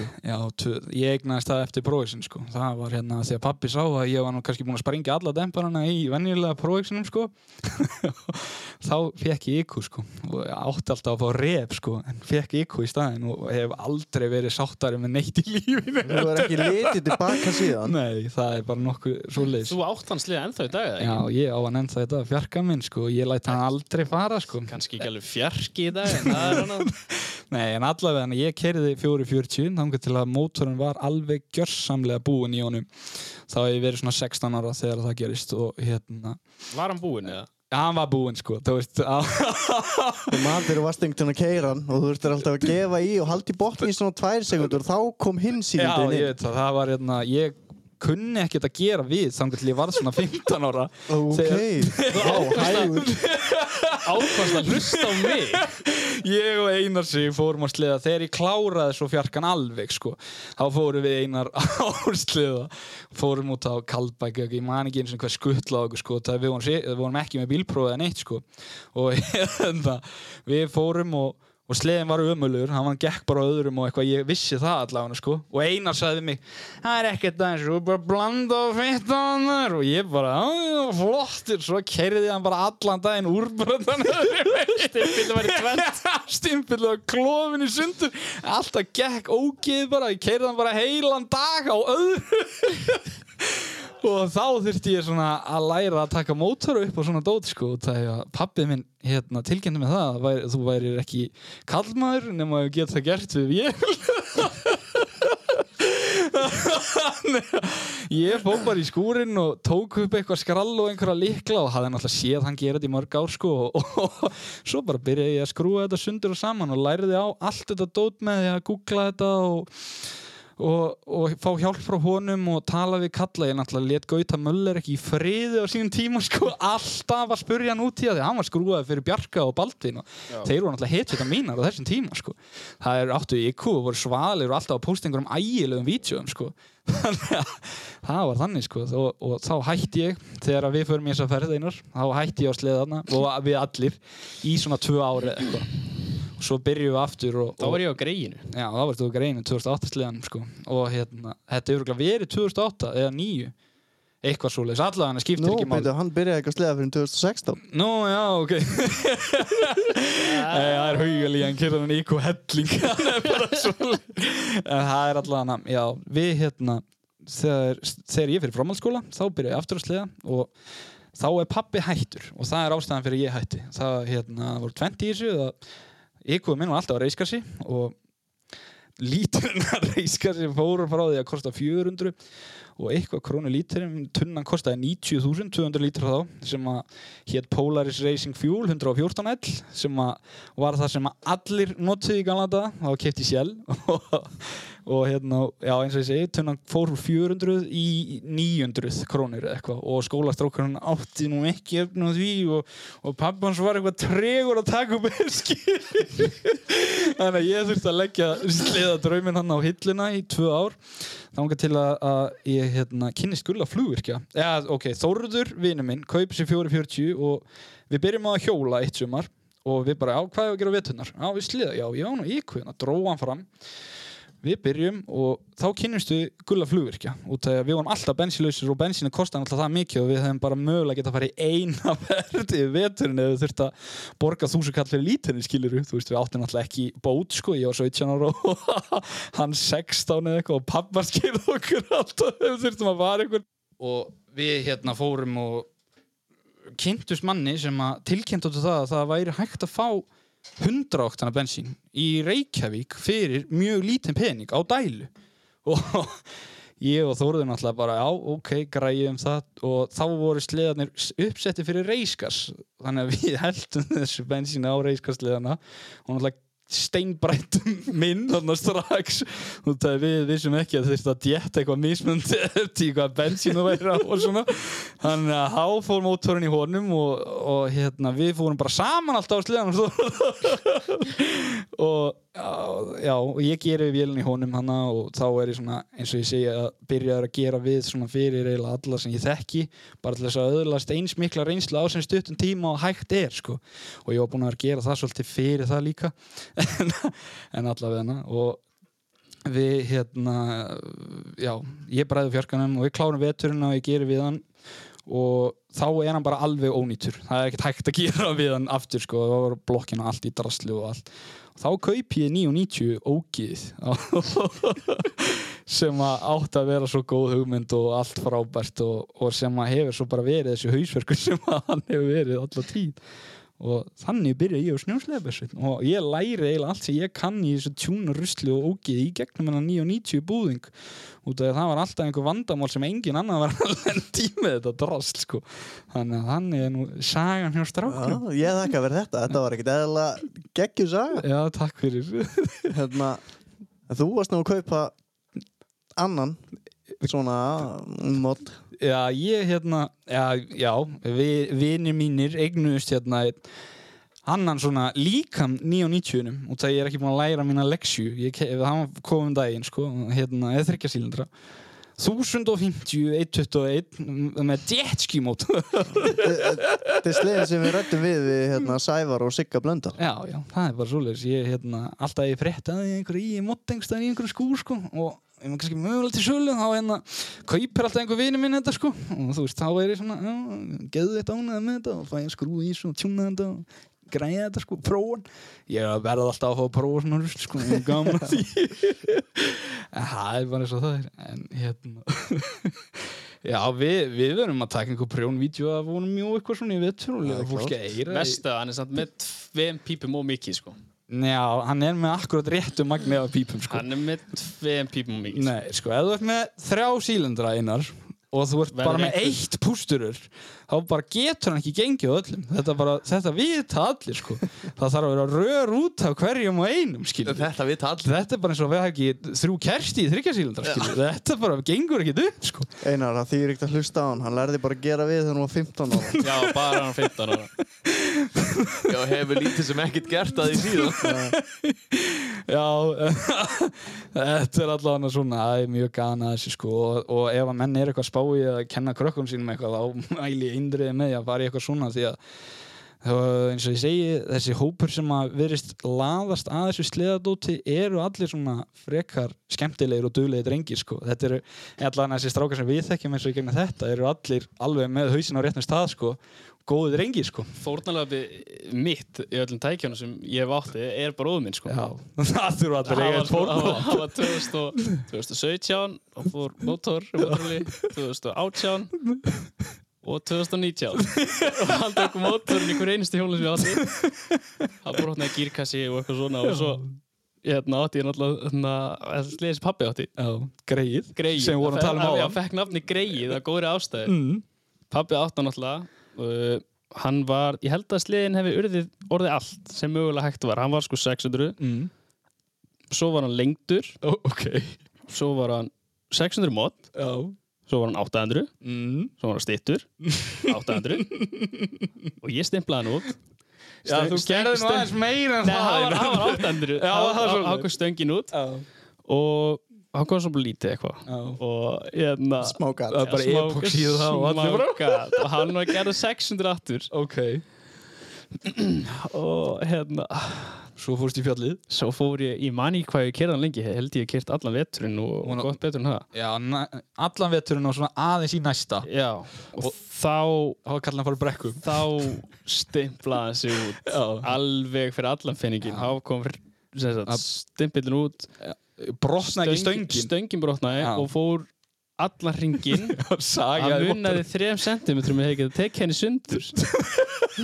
Alveg Já, hann væri ég bara 300 kúbík eftir Já, að bara ég- saga hinn helmingin af Man, ég var að prjóna upp ykkur á brekku, náttúrulega eina sem snýðast um þarna var að prjóna. Já, já Og prjónu upp ykkur á stökk brekka og svo kom bara þessi stóri góðu kvellur allt kæli á honum og ég sá ekki stýrin hoppaði af það var bara raukt undir honum og stærsti bitin og bara í svonum 5 cm þannig að bara partur úr blokkinni Ég man eftir þess að ég skoða þetta hann hérna, bókstallega hefði stöngin slitna aðeins ofar þá hefði bara verið hægt að taka hann bara upp í haldabóku og bara með hann þetta var En Þetta var ógeðslega gaman sko. Þarna kerðu við líka vélslega mjög mikið sko. Já. Þegar ég var á fjarkanum á sínum tíma það bara, þú keyrir tvær tunnur að reyska sér á vetri á 440 sko. það er metnaður í því sko. þeir eigða náttúrulega, þeir þefa bara bensíninu sko. allan að þessum tíma sko. þarna var ég náttúrulega í minn gekk bara 98 og Já. ég var búinn að sapna upp ég mani átt sapnaði upp pening Mm. og pabbi bara "Ah, nú ertu hann hægt að ganga allir borga ekki lengur fyrir eitthvað þannig að alltaf er pabbi fyrir unna hann leti hann á pening hann voru kætti 20 litra bensinni Já. svo þannig að það var þessu peningur lengur búinn sko komur bara í ykkur bensin og Miklu betra eða þessi bensín heldur en eitthvað já segi ég. það er alveg svoleiðis Já, þetta er svona Já, en mér langaði hérna að fara í næsta topic Mér langaði að spyrja ykkur sko hverju voru svona eitthvað fyrirmyndir á sínum tíma þegar þið, eða þú veist í dag eða bara hvernig sem það er eða þeir sömu eða ekki Bergsveit, þú byrjar Já, það er náttúrulega bara eins og við komum inn á sko, þú veist, slæðningsgæðarnir og það í slæðningsfjör, Já, þú veist, Jay Quinlan og þessi gæðar já, þið langaði að vera eins og þeir Já, svona náttúrulega bara Blair Morgan Já, sem ég ólst upp við að horfa á sko já nákvæmlega Ég held að það sé svona, já sem að hefur, eh, ég hef allan hort til Já, á þessum tíma já, Já, nókvælega e, algjörlega Já, ég skildi það mjög vel sko En ég, þetta var bara eins hjá mér sko Það eru þessi strákar hérna og, og meðast Pól Þakkar ekkert eðlilega nettur Hann var eiginlega svona einn af mínum all time Og svo er hann bara lífa í sko Lífa, ég er búinn að fara á og, Eins og við talaðum á þau, fara og hitta hann Og hann er búinn að gera rosalega stóra hluti og er samt ennþá svo humble skilur hann, hann, hann, hann hann er ekkit, að- þetta stígur hann ekki til höfus að hafa verið skiluru eiga heimsmet í öllum anskotanum og búin að vinna allt sem hægt er að gera í þessu og bara vera svona legit gæi og kenna öllum og þessum, þetta er allt saman á, he- þeir voru svona mínar hetjur sko og svo náttúrulega bara Bjarki og Baldvin sko þegar ég var miklu minni sko þegar þeir voru aðeins eldri en ég og þeir voru svaðalir og, og fyrir það bara, bara pappi minn sko ég, ég held að hann væri bara svaðalur eh, búndokkir hérna í galanda sko en þú Axeldari, hvað hérna hverju voru svona þínir gaurar á sínu tíma Ég held að ég sjáu þetta ekkert alveg eins og strákarnir auðvitað horfði ég á Slednex-myndirnar á YouTube og, og allafana en þá var ég ekkert að spá í hver var að keira eða hver var að stökkva sko. Ég þegar fannst var, þetta bara nett já, mér fannst, ég, ég var mest að spá í þyrlu sko Já, nákvæmlega, ég, ég er ekkert að horfa á þetta með sama tillit og Hver er yfir, sko. að Ég- borga þetta? Já, bara hver er að borga, þú veist, þeir voru ekkert með dróna sko Nei, eitthvað. það ég er var bara með bara þyrlu. massíf Já, þyrla já, þarna og svo bara filmkrú og Já, og það er bara einn að fljúa þyrlun og annar að spotta og fjórði á mynda það er bara Það var nákvæmlega alltaf gríðarlegt magn af drónum í bóði þegar Snapnex 4 var Já, gerð það er sko. það sem ég er að segja, skilur það, það er það sem að impressar mann svo mikið þú veist, það gerir það sko Ég horfi á þetta, þú veist, kvikmyndalega séð en ekki, Nei. ekki þú veist, hvaða hetja er að gera hvað, sko Ég skildi, en hefur engan sem að lítur svona upp til svona í seitin tíða? Er engin sem að kemur upp í hugan? Jú, ég er rosa gaman að mentalitínu hjá eins og Travis Pastrana og, Já, og, og nákvæmlega. fleirum skilur sem að sem ég- halda á, þú veist, eru bara andlit motorsports þú veist, Nákvæmlega. og, og Levi, þú Já. veist, ég, ég fari út að borða með uh, Levi Lavali Já, og, og þetta er, nákvæmlega. hann er algjört legend og eins og þú segir, hann er rosa eh, rosa mennskur sko. Hann er það, hann er svona ekkert- down to earth með við hvað hann er búin að gera mikið. það er, ný, að, það er alveg svo Já, leiðis það, menn, það er að mjög sjálfgjart skilur að menn geti eignast auðra eða gert einhverja afrek eða eitthvað án þess að verða skilur að stíðin til höfus. Já, fattar? við vorum eitthvað að pumpa hann með hérna, backflip, hvort að, hérna, hvort að það væri ekkert bras að gera backflip á vélslega. Já. Hann sagði, það getur hver sem er gert backflip, ég get bara strappaði fast á hans sleðan og voru bara að halda bensinkjörn í botn og halla þér aftur og bak. Nákvæmlega, það er ekkert eðlilega svo alveg sko. En það er svo Einar, hver er þinn? Fyrirmynd? Já, Sko, í gamla dag og núna eða vottir? sko þessi dama- gamla dag, það var náttúrulega er það bara bróðið minn, sko. Hann er náttúrulega fjórum ára eldri en ég og allt sem hann gerði, það er ég er búin að gera. Hann var- hann hann var- fór á móturhjól, ég fór á móturhjól. hann fór á sleða, ég fór á sleða. Nákvæmlega. Hann fór í fótbolta, ég fór ekki í fótbolta. en þú veist, Allt nema boltan og eldur hann ekki þangað. Nei, nei, ég eldan ekki þangað sko, ég hef ekki þá, það tött sko, en þú veist eins og Bjarki, hann, þegar hann var að byrja að keppa, hann var með 67, en það var tekið, þú veist, það var bara hvað, þú veist, hann var bara í hann að heilanga tíma, bara hvað á ég að gera, 67, 607, 70 og eitthvað og það endaði á 670, Já.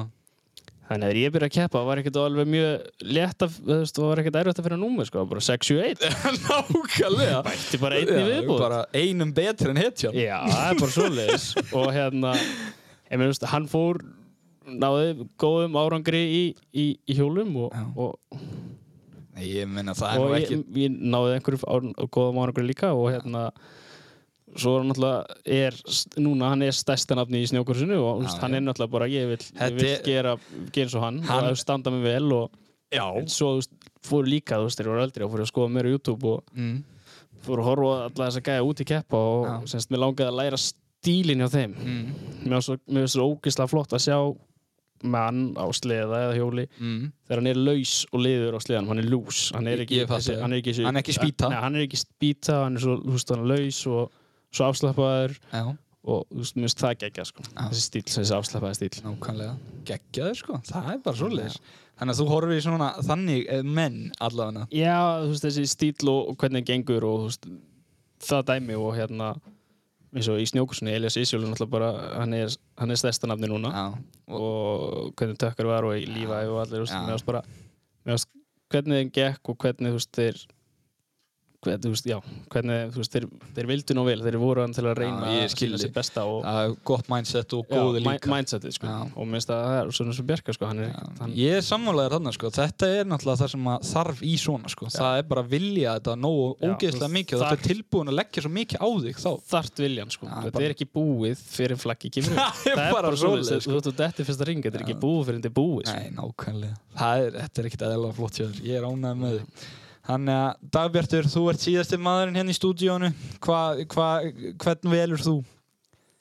Ég veit ekki, ég svo sem hún svipaði hjá mér eins og Axel sko, þú veist, ég horfði mikið á þetta slænagsdrasl þegar ég var lítill sko, Já, en þú veist, ég var ekkert að spá í því hvað menn, menninir héttu eða Nei. eitthvað svoleið sko. þú vart meira bara snjúbreytta megin Já, þú veist, jú, svo svona í setni tíð þá vissi ég hver Jake Willan var Já, og þú veist, sem var alltaf svona flottasti gæinn þegar ég var lítill Hann skilur, var hetjan, skilur, hann töffarinn Já, og þú veist, ég vissi ekkert hver þetta, þú veist, hvað hann hét þegar ég var lítill, en Nei. mér fannst hann alltaf flottastur, skilur ég skildi en ég meina, hafður enga fyrirmyndir eins og í snjóbrettunum og þessi dóti er einhverju gauðra sem að hillu eitthvað meira en næsti Jó, jú, þú veist, það er náttúrulega bara Eiki og Halldór, skilur já, og Gulli. já nákvæmlega, bara gauðra sem að gerðu vel og náðu lengur en aðrir þú veist, Já, og líka bara, þú veist, að því að að- þetta eru Íslendingar, skilur já, að gera stóra hluti að gera stóra hluti já, og þú veist, þegar maður var á brettunum, þá langaði manni líka að gera það sama, skilur já. en,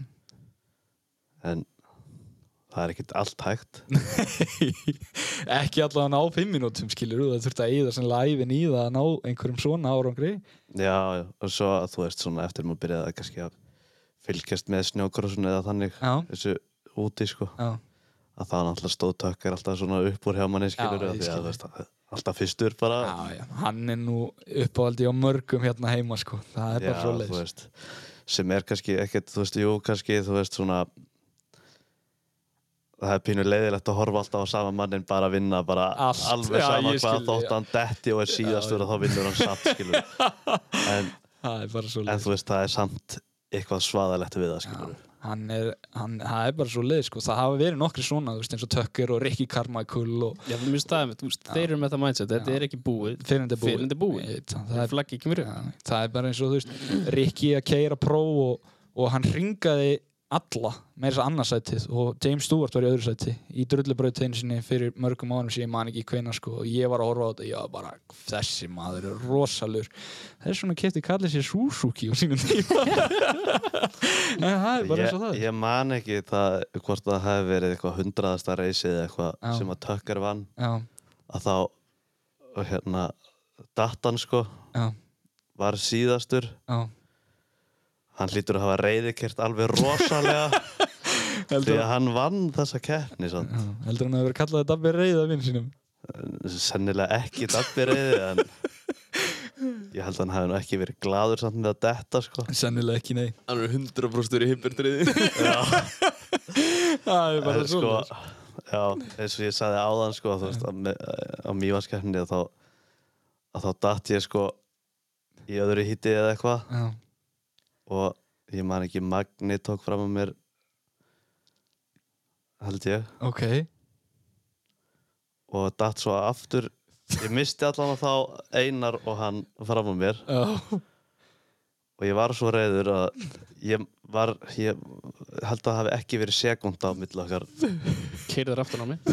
ég svo næstu því sko ég er alltaf datt aftur af því ég reyði kerði svo rosalega sko. Já, Dabbi er svona merkjum mann sem vill það það mikið Hann fer bara í blakka á Ná man ekki Það man eftir ekki keppninni hvað skýr Já, ég, það er bara ég, eins og ég það var búin að gera rosalega mikið grín af Einari sko af því að það, það hérna, heyrist í vídjón þar sem hann er Já, öskraðin í hjálminu GoPro helmet kom og einari Alltaf helvíti Drullan og Já, Bjarki, Ég ég var var bara samlega, sko. ekkert betri þannig Ég kom að þér hlæjandi Já. og segi, kallaði meinar Mana Nákvæmlega, það er bara svo leiðis Þá okkur, Ja, þú þú heyrist í veist, þér það- Ó, ég skilði það Þannig að hérna, sko sí- sá maður bara keppniskapið skínu í gegn skilur við maður Það tekur yfir þetta, nokkur já, sekundur, sko þetta var eitthvað, þú veist, ég vissi ekki einu svona að ég hefði þetta í mér sko Nei, þetta er eitthvað að þegar maður finnur hilluna skilur þá vill maður standa sig vel sko, það er bara svo leiðis Æ, gaman að þessu Já, uh, við náttúrulega fengum Bjarka hérna í síðansta þátt og hann var að tala um hérna eins og, eins og snúkrus er búið að vera núna og, og að þeir vildu, vildu reyna að koma þessu meira í, í bandaríska ég veit það ekki ímynd Þú veist, kannski reyna að fá að breyta brautónum í, í, í þá átt að það sé meira rithmaköplum og, og, og svoleiðis og hann talaði um að hítin var nýju mínútur við erum búin að fá hérna, message núna sendt til okkar af, af fólki sem að finnst þetta heldur langt og við vildum bara, þú veist, fá að heyra ykkar hliða af þessu og, og hvað, hvað þið myndu vilja breyt- breyta ef það er eitthvað þú veist, þetta eru early days og, og, og þú veist, menn eru bara að finna þetta út á, á í rauntíma skilur og hérna þannig að við vildum bara, þú veist, spyrja ykkur hvað finnst ykkur að mætti fara betur og, og hverju myndu vilja breyta ef, ef, að, ef að svo er Já, þetta er bara þetta sísón og, og eða kannski næsta bara hva, eru einhverju kvillar eða eitthvað sem þið sjáuð sem þið væri tilbúin að reyna ég meina þetta þarf ekki að vera þú veist, til lengdar, það er bara hægt að prófa eitthvað og ef það er vonlaust þá bara snúma aftur Axel, ertu með einhverja hugmynd eða eitthvað sem þú væri til í að gera öðru í þessi Já og nei, ég hérna fæs sem betur fyrir að vera svolítið með puttana í þessu Ok, og að að stjórnast í reglum og keppnisaldi og, og hérna já, þú Allavega ert í svona. stjórn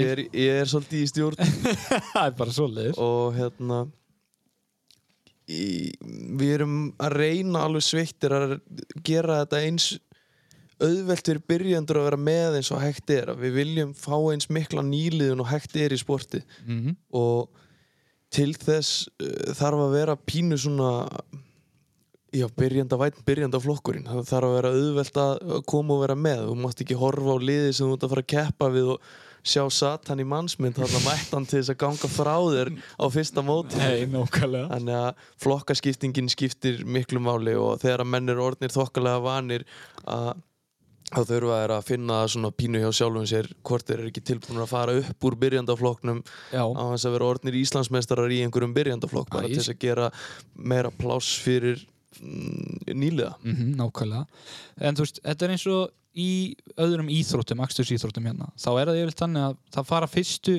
þeir sem eru í fyrsta og aðru upp í þriðja sæti, kannski úr fyrsta flokki upp í miðjuflokkin þá og Íslandsmeistarinn og miðjuflokknum færi þó upp Já. Finn, finnst þér eins og það væri Þa, sangjart? það er, það er geggjað sko en við þurfum náttúrulega svolítið að finna þetta bara hjá okkur að því að við vitum ekki fyrir veturinn sko, við- þetta sport er að taka miklum breytingum hjá okkur, það er að stekka alveg helling Mm. og það er að koma fleiri sleðar inn til landsins núna, sko, kom hellingur af nýjum sleðum til landsins fyrir síðasta vetur og það er að koma annað eins núna fyrir þennan vetur þannig að ef að allir sleðar verða mannaðir þá erum við að horfa á svaðalegan vetur sko. Já, 30 virka eða eitthvað svoleiðis Já, og það, það, við getum ekki hort upp á það að það verði 5 í stæðstafloknum og 5 í miðin og 20 í byrjendafloknum. Nei, nákvæmlega Það er bara Þá svoleiðis þurfum við að taka í gegn eitthvað skiptinguna. Ég myndi frekarulega sjá þá bara tvo stóra flokka, bara efri og neðri flokkin og vera bara þá með 15 í hverjum flokki, sko. Það Já. er miklu flá, skemmtilega að horfa á það. Og við vorum að ræða þetta aðeins innbyrðis um daginn og, og komumst að því að, að ef að þetta yrði eitthvað í þá áttina þá myndum við í rauninni keira bara byrjendaflokkin sér ef að hann er í fjölmæðanstur og keira hinn tvo saman bara upp á það er skemmtilega að horfa á það. Já, ég skilji nákvæmlega Þannig að við erum pínum með varnagla á þessu Mm. ef, að, ef að skráningin fer þannig en ef, ég, ég, ég náttúrulega stóla á og, og við erum að vona það náttúrulega að það verði sem mest þáttaka og menn séu að taka skrefið upp á við sem eru orðnir vanir og, og Íslandsmeistarinn færi sig upp á þess að það sé einhverjar skrásettar reglur um Nei, það. nákvæmlega Þetta ég er svona skil þig. pínu heiðusmanna sam, Já, já, samkomulag. nákvæmlega, gentleman's agreement, Já. nákvæmlega, það er bara svo leys, þú veist, ég- á- ætti þetta ekki bara að vera, þú veist, á- á- óskrifu regla í rauninni, þú veist, að ef þú vinnur, Já. að þú farir upp og gefir allan að öðrum sjens, skilur, Jú, jú, sjálfsögðin, ef hún er óskrifuð Já. þá getur þú bara haldið að horfa að rústa þessum gæðum sem er í flokk já, þannig að þú vilt koma þessu bara í stein, Já, nei, já eða, þú veist, það þarf að vera eitthvað svona pínu utanumald í reglum sko. Já, já, á þess að vera, á þess að vera metla þetta eitthvað nei, nei, skilur, við erum svolítið að þreyfa fyrir okkur í blindni af því að þetta, við vitum ekkert hvað, hvað verður sko. nei, nákvæmlega, og finnst þér, finnst þér eins og, finnst þér eins og hítinn okkar séu of löng, eins og okkur var bent á að, að hérna, ProLight og ProOpen keira hítinn sín fyrstu tvö eða þrjú í fjórar mínútur já, við kerum öll okkar í nýju í stóra flokknum já, þú veist 9 og 8 svo, eða, þú veist, það er 7 pluss 2 og brautin er yfirlt í kringum mínútu þannig að Já. það endar í 9 mínútum öll hít hvað finnst þér um þetta? Sko, nú ert þú að tala við mann sem hefur einungis keft í byrjandalokk sem eru sko 5 mínútur plús tvær hringir. skil þig. Þannig ég hef aldrei kert lengur enn í 7 mínútur en 7 mínútur Já. á útopnu Já. er bara mjög langur tími sko.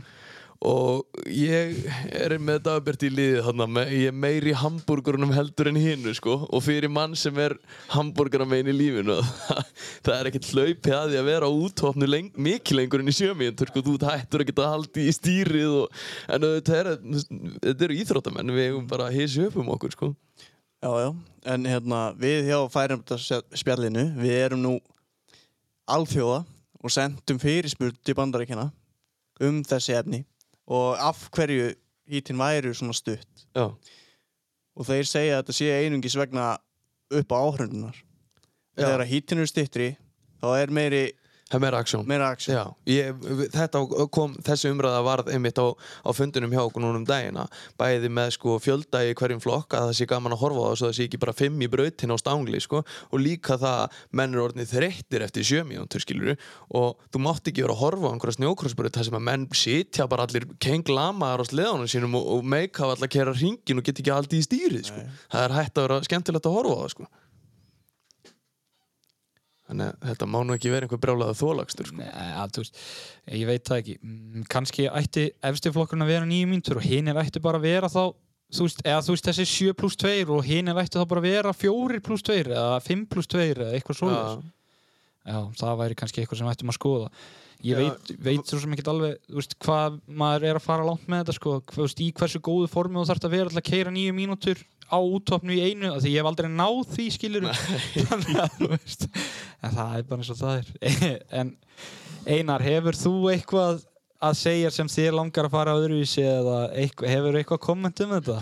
Sko, mér finnst lengdin, mér finnst hún Bara ég, ég hef ekkert á móti henni, sko Nei, þið finnst þetta flott svona, Já, bara, þú veist, mér finnst það allt í lagi við, þú veist, Já. það bara, nákvæmlega það reynir meira á okkur að reyna að halda okkur í formi og Já, ég- það er meiri ægi og svona sem Já. þarf að halda Mér já. finnst það, en þú veist, ég væri til í að sjá hérna, einhvern svona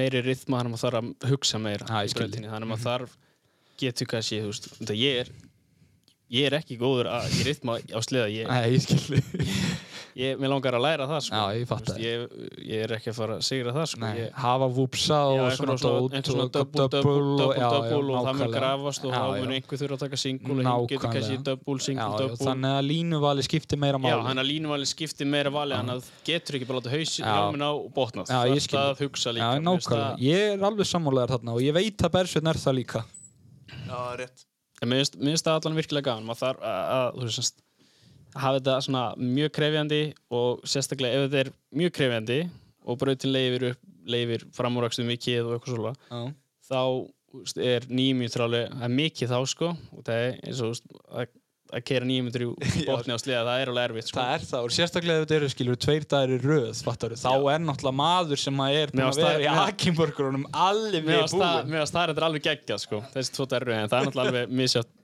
öðrum finnst það ekki sko Nei, nei, það er bara eins og það er skilur Mér fannst það líka, og svo ég grípi aðeins inn í að Mér fannst Mm. mjög skemmtilegt að taka tvöfaldi keppni og, Já, það er öðru í þessu, virkilega gaman já, ég, og En- líka því þetta eru svo fáar helgar og þetta eru svo fáar keppnir hjá okkur Já. Fjó, sko, Þrjár til fjórar keppnir yfir sísonið Tveir dagar væri betra Það er rosalega lítið Ef, Já, ef við en- myndum tvöfalda allar keppnir Já, það væri Það er geðveikt náttúrulega, sko, tvöld aldarkennar Það var náttúrulega alveg geggjað en helming, meirin helmingur fólki vil það ekki sko Nei, En tvölda eina keppni, mér varst það alveg geggjað það var svona eina keppni tvölda Já, Fórum það, gistum allir En- það var gaman. Gekkja og brautin breytist Já, svo nákvæmlega, gaman hún að breyst sjá þannig það, daginn sko. eftir Já. og sögðu okkur ekki, þú veist, það var geggjað sko já, þetta Mér, var mér eins og fannst persónulega brautum sundinu miklu skemmtilegri en, Já, en já, svo náttúrulega sammála. kom bara dauð á þoka og það sást ekki sko, Það var breytt fimm einhverjum- metra. það var breytt einhverjum einu kabla og Já. það breytti bara allir sko. brötinni Já, þetta var bara allt annað Já. konsept sko.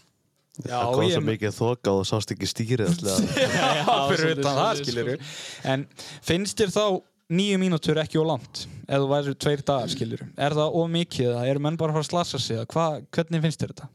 Sk- mm, Nei, ég Þú ert í þessu, þú veist hvað þetta fara út í Þetta eru nýjum mínútur Já, og að geta haldið út alla- allan þennan tíma það er, og verið formið til þess það er það er besti parturinn sko, að geta haldið þetta Ég skilði, geta unnið þetta utan brautar í rauninni Nei, já, með og þú æfingum. veist- Já, og þú veist, að vera með þólið til að haldi stýrið og endast út hítið Mér finnst það eiginlega besti parturinn sko. Já, ég skilði Þú að vilt fá að geta- vinna heimavinnu vel Já, eða þú veist, heimavinnun er ekkert sérstaklega skemmtileg Nei En ekki skemmtileg, hún er svo oftast bara mjög leðileg En það er, þú veist, Það er líkillin að velgengni. Já. Já. ég skil alveg hvað þú meinar. Ég er alveg sammálaður í, í mörgu, sko. En, þú veist, að geta, geta þessi gæi sem er í góðu formi já. Getur kannski inn í gæjan sem er hraðar í tvoringi já, ég veit það. Þegar menn geta blastað, skilur þú veist, það er náttúrulega, það er erfitt að sigra hann, en, en, en maður sem að stratta sig og keirir og, er, og æfir á fullu, hann á hann að meira skilið, já, ég, mér finnst það, eins, skilur eins og Bjarki, hann hafði að halda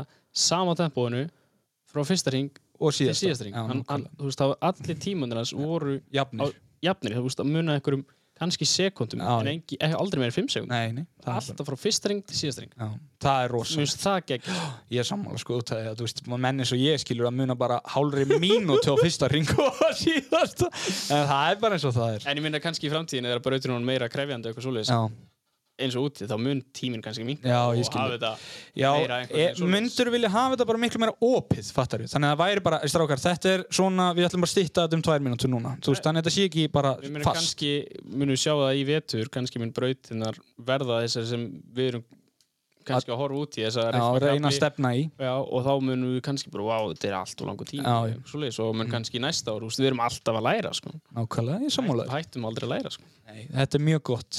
Dagbjartur, hvað, hérna, ég veit að þér langar að- að segja eitthvað hérna. Hva, hvað væri þú til í að sjá öðruvísi?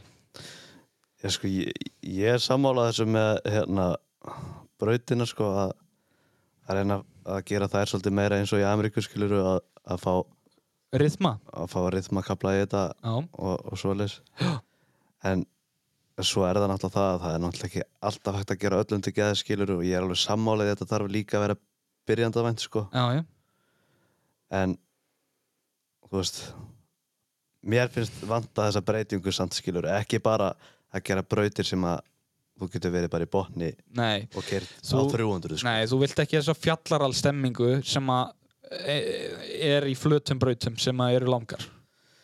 nei, þú veist, jú, jú Má, Þa, það er alveg gaman líka en þú veist, þú vilt fá svona mix-up, skilur já, þetta er bara svo þú veist, þetta er svo að mér finnst þetta ætti að vera að þróast í sömu átt eins og út í bandaríkjunum mm -hmm. Mhm.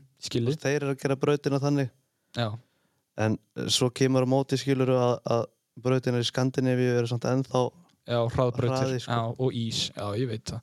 Þetta fer eiginlega eftir í hvor megin við pollin og skoðar þetta, sko. Já, það er nefnilega alveg svolítið sko. Ég er alveg sammáleikur með þetta, sko. En hérna, það sem að ég væri til í að breyta sjálfur, persónlega, er það að ég, eins og var alltaf, hérna þegar ég var lítill, þá var alltaf þannig að áður en þú fórst inn í hít, þá fyrst að keira eitt ring í brautinni, skilur. já, skoða brautina skoða brautina áðan og fórstinni á ráslinu það er, Já, ég það er er sammála því sko, þú veist, þannig að ég það- lendi í því til dæmis í fyrra að í fyrstu beginni þá dundraði ég hún í hólu og vald skilur þú veist, á króknum ég væri til í að hafa það inn í skipuleginu, þú veist, við fáum hann að schedule, já, tímatökur þetta, Já. skoðun, fyrsta hit já, Þú veist, eins og já, bara eins og stórkjöfnum út, þú færi að fara út Já. keira eitt rólaring, já. þú veist, ekki, ekki að klassa- stökkva þú veist, ekki bara, stökkva, nei, þú ert bara keyra að eitt rúnda, rólega, eitt ring. skoða alla batta og alla skoða beigir það og, og það og er uppstök eftir að taka startið þú ert ekki að vera að taka startið og slá af Nei, til að skoða til að sko- brautina. nei, þú, tekur, þú það- tekur startið í botn það keira allir eins rætt og geta út í Og- startinu sko þegar þú ert búin að skoða brautin þá veistu hvað þetta fara út í, Já, sko, ég er og, sammála. þú veist, þá bara, og það ert ekki að fara botna fyrsta Já. hring og já, það, umtlast í þriðbegi sko, það Nákvæmlega. þú sér ekki hóluna þetta, er- þetta er það sem ég vil hafa sko og það eru aðri flokka búin að vera aðra áður já, sko. já, þetta, ég er alveg Já, saman sérstaklega þú veist líka því að það er ekkert þú veist, brautin er ekkert lögu skilur nei, þú veist, eins og söðokröki og hún það er grófst alveg- mjög mikið eins og ég- eins og ég og Beggi voru það um flokk Þá það semst var komin eftir- hóla hana já, semst eftir og hún í skurðu Já, við tókum fyrstu, fyrstu böðuna, aðra böðuna, eftir aðra böðuna þar voru konu sko mannsháir úpsar mm. sem maður bjóst ekkert við, svo tókum við böðina og bara, wow, og svo líka, já, þoka, við sáum ekki bröðina og þetta var komið, þannig að þetta er það var sko hana, svona upp á safety, sko. ég man ekki hvort það hafi verið í öðru hýttinu á lögadeginum og hérna erum við að reysa, ég og Einar og ég sé alltaf að það er bara gat í einni beginni, innst inn í, í innstu línni er bara gat hún í skurð og þú veist, það er svona, það er meter onni sko. og við erum bara að reysa og ég hef engan tíma til að spá í þessu eitthvað og svo hérna urlast ég á hausinn Stoppaður ekki að skoða Nei, en ég gerði það svo setna því að ég datt á hausinn og, og var komin ring á eftir öllum og há rundaði hérna framjá og benti nú flaggarnum á það að væri hóla í brautin og hérna, og þá var það tekið í gegn en þú veist, það þarf að vera já, aðeins svona betri yfirsýn yfir, yfir hvernig, í hvernig standi brautin er, en ég er svolítið ánað með eins og þetta var í seinustu keppni að þá, þá fer tróðarinn bara og svæpa brautina fyrir sem sagt öll hítinn Þannig að byrjandaflokkurinn fær alveg teppalaða braut, Já, miðjuflokkurinn fær svona, já, frekar grófa, allavega eins og það var svo margir í, í Já, byrjandaflokknum að hún var orðin frekar gróf og, og þá hérna prófarnir, eða þú veist, próamatjör, keira þá bara röfbraut röf braut. Já, ég er sammála þessu En það, ég, þannig að ég var mjög til í að fá þess skoðanarringin áður en að menn l- lína sér niður sko eða þú veist, keira niður á línuna bara upp á þetta, þú veist, eins og ég lendi í þessu í startinu til dæmis keirið hún í hóluna vald og svo lí- lendi ég í þessu aftur skilur bara því að þá var gat vinstra megin lendi hún í skíðið og vald yfir ruðningin skilur þú veist, þannig að ef ég hef kannski séð þetta, þetta kannski farið aðeins öðru sinn, en ég veit alveg, ég var ekki að keira á því tempo sem skipti máli, en þetta er bara, þú veist, ég er bara að tala um þetta öryggis vegna sko en hérna, og svo er það annað líka sem ég var mjög mikið til í eins og þið viti að brautirnar eru aldrei eins sem við keirum í og það er oftast þannig að þegar við komum á svæðið þá höfum við kannski ekki einu sinni séð uppbygginguna og við fáum kortest tíma til að æfa okkur án það byrjar mér finnst það allt og lítið ég var til í að fá bara klukkutíma æfingu fyrir reis, bara þannig að menn geti aðeins fengið að átta sig og, og Já, þú veist, stilla lí- demparana já, og, og nákvæmlega. græja, græja sliðan, þú veist, það er svo eins og við vorum oft að gera, við vorum að taka eins og í vetur og vorum að keira eftir hít bara sliðan snýst ekki neitt, skilur, það verður að, þú veist, klikka hann upp hérna, þannig að ég ger eitthvað út úr þessari beigju, eitthvað svona dót þetta má, við verðum að fá aðeins lengri aðlöðum tíma fyrir hvert ein eh, þú veist, fyrir hverja einustu keppni finnst mér, Sko, það var búið að færast í þannig í motocrossinu já, að, þú veist, hvað vorum við með kortir í vetur? já en, Þá, þá ferðu út í já, kortir, þú blasta fyrsta rengin já, Í motocrossinu var það komið þannig að það er 20 mínútur, fyrstu 10 mínúturnar Mm. það skiptir ekki máli hversu hratt þú kerir það var ekki gilt. nei, Svo snúið við og þá var tímatökunar út af þá varstu, gastu nýtt, nýtt þessar 10 mínúturnar já, veljastbrautinni, kannski klikka eitthvað smá já, og svo nýttur þú seinni 10 já í blast. Já. Þú veist, þá ertu búin að læra brautina Já. betur, blast. Nákvæmlega, en málið er það eins og munurinn á motocross og snjókross er sá að þú ert aldrei að keira í einu sinni svipaðri braut í snjókrossi. Þú veist eins og við ferðum austur, við komum allir að um morgunni skiluru og við erum bara að lappa brautina og það er að fyrsta sem við erum að sjá hana á æfinni. Meðan að þegar þú keirir í motocrossi þá ertu kannski búin að keira og æfi í þessari braut í viku áður en það gerist. Já. Þetta brautin er alltaf til. Skilur hvað ég meina? Já, það já, já. verður að vera, finnst mér, lengri æfingatími áður en að keppni byrjar bara þannig að menn geti líka skilur hægt á sér, fari rólega nokkra hringi, fundi sína staði og línur og valið eftir því skilur, það því að þú hefur aldrei séð þetta þú veist ekkert hvað þú ert að fara út í og eins með það að þegar þú keirir eftir áður en að hítin byrja, þá skoður brautin hún er búin að gjör breytast eins og allir vita, það breytist ekki traðar heldur en snjókrossbraut skilur þetta grefst út um allt og svona og þess vegna finnst mér eins og það eigi bara að fara já ok, þú sér að þannig er þetta orðið öðruvísi og þá breytir þessu þannig að klukkutími í æfingar fyrir byr- áður en það byrjar finnst mér að ætti að vera möst sko en það er bara mín skoðun á þessu Bersveit, hvað hva, hva langar þér að hafa öðruvísi? Já, ég er nú bara sammála flestu sem að hefur komið hérna fram, sko. Þú veist, þetta eru góð, mjög góði punktirar og, og hérna, þú veist, eins og, eins og við sögðu, við lífum og lærum og þetta er nú bara í byrjunar skrefum og hérna, menn reyka sig á hindranir og, og læra af því, sko. Já, við hérna ég held við förum ekkert að fara neitt dýpra í þetta þetta er orðið alveg nóg og djúft sko þetta er svona, pínu er svona hardcore eh, die hard only þáttur fyrir áhugamenn sko ég, hérna, ég held ég vilja bara þakka ykkur strákum eh, kærlega fyrir komuna Axel Darri, Einar Sigursson Dagbjörn Ólason og, og Bersveit Takk ykkur kærlega fyrir drengir Já, takk fyrir okkur Já. Takk fyrir okkur. Já, takk fyrir okkur Já, það var, það var nú lítið ha, bara þangað til næst, takk Við takk ses. A little too tall, could have used a few pounds. Tight pants, points, hollering out. She was a black haired beauty with big dark eyes. And points all her own, sitting way up high.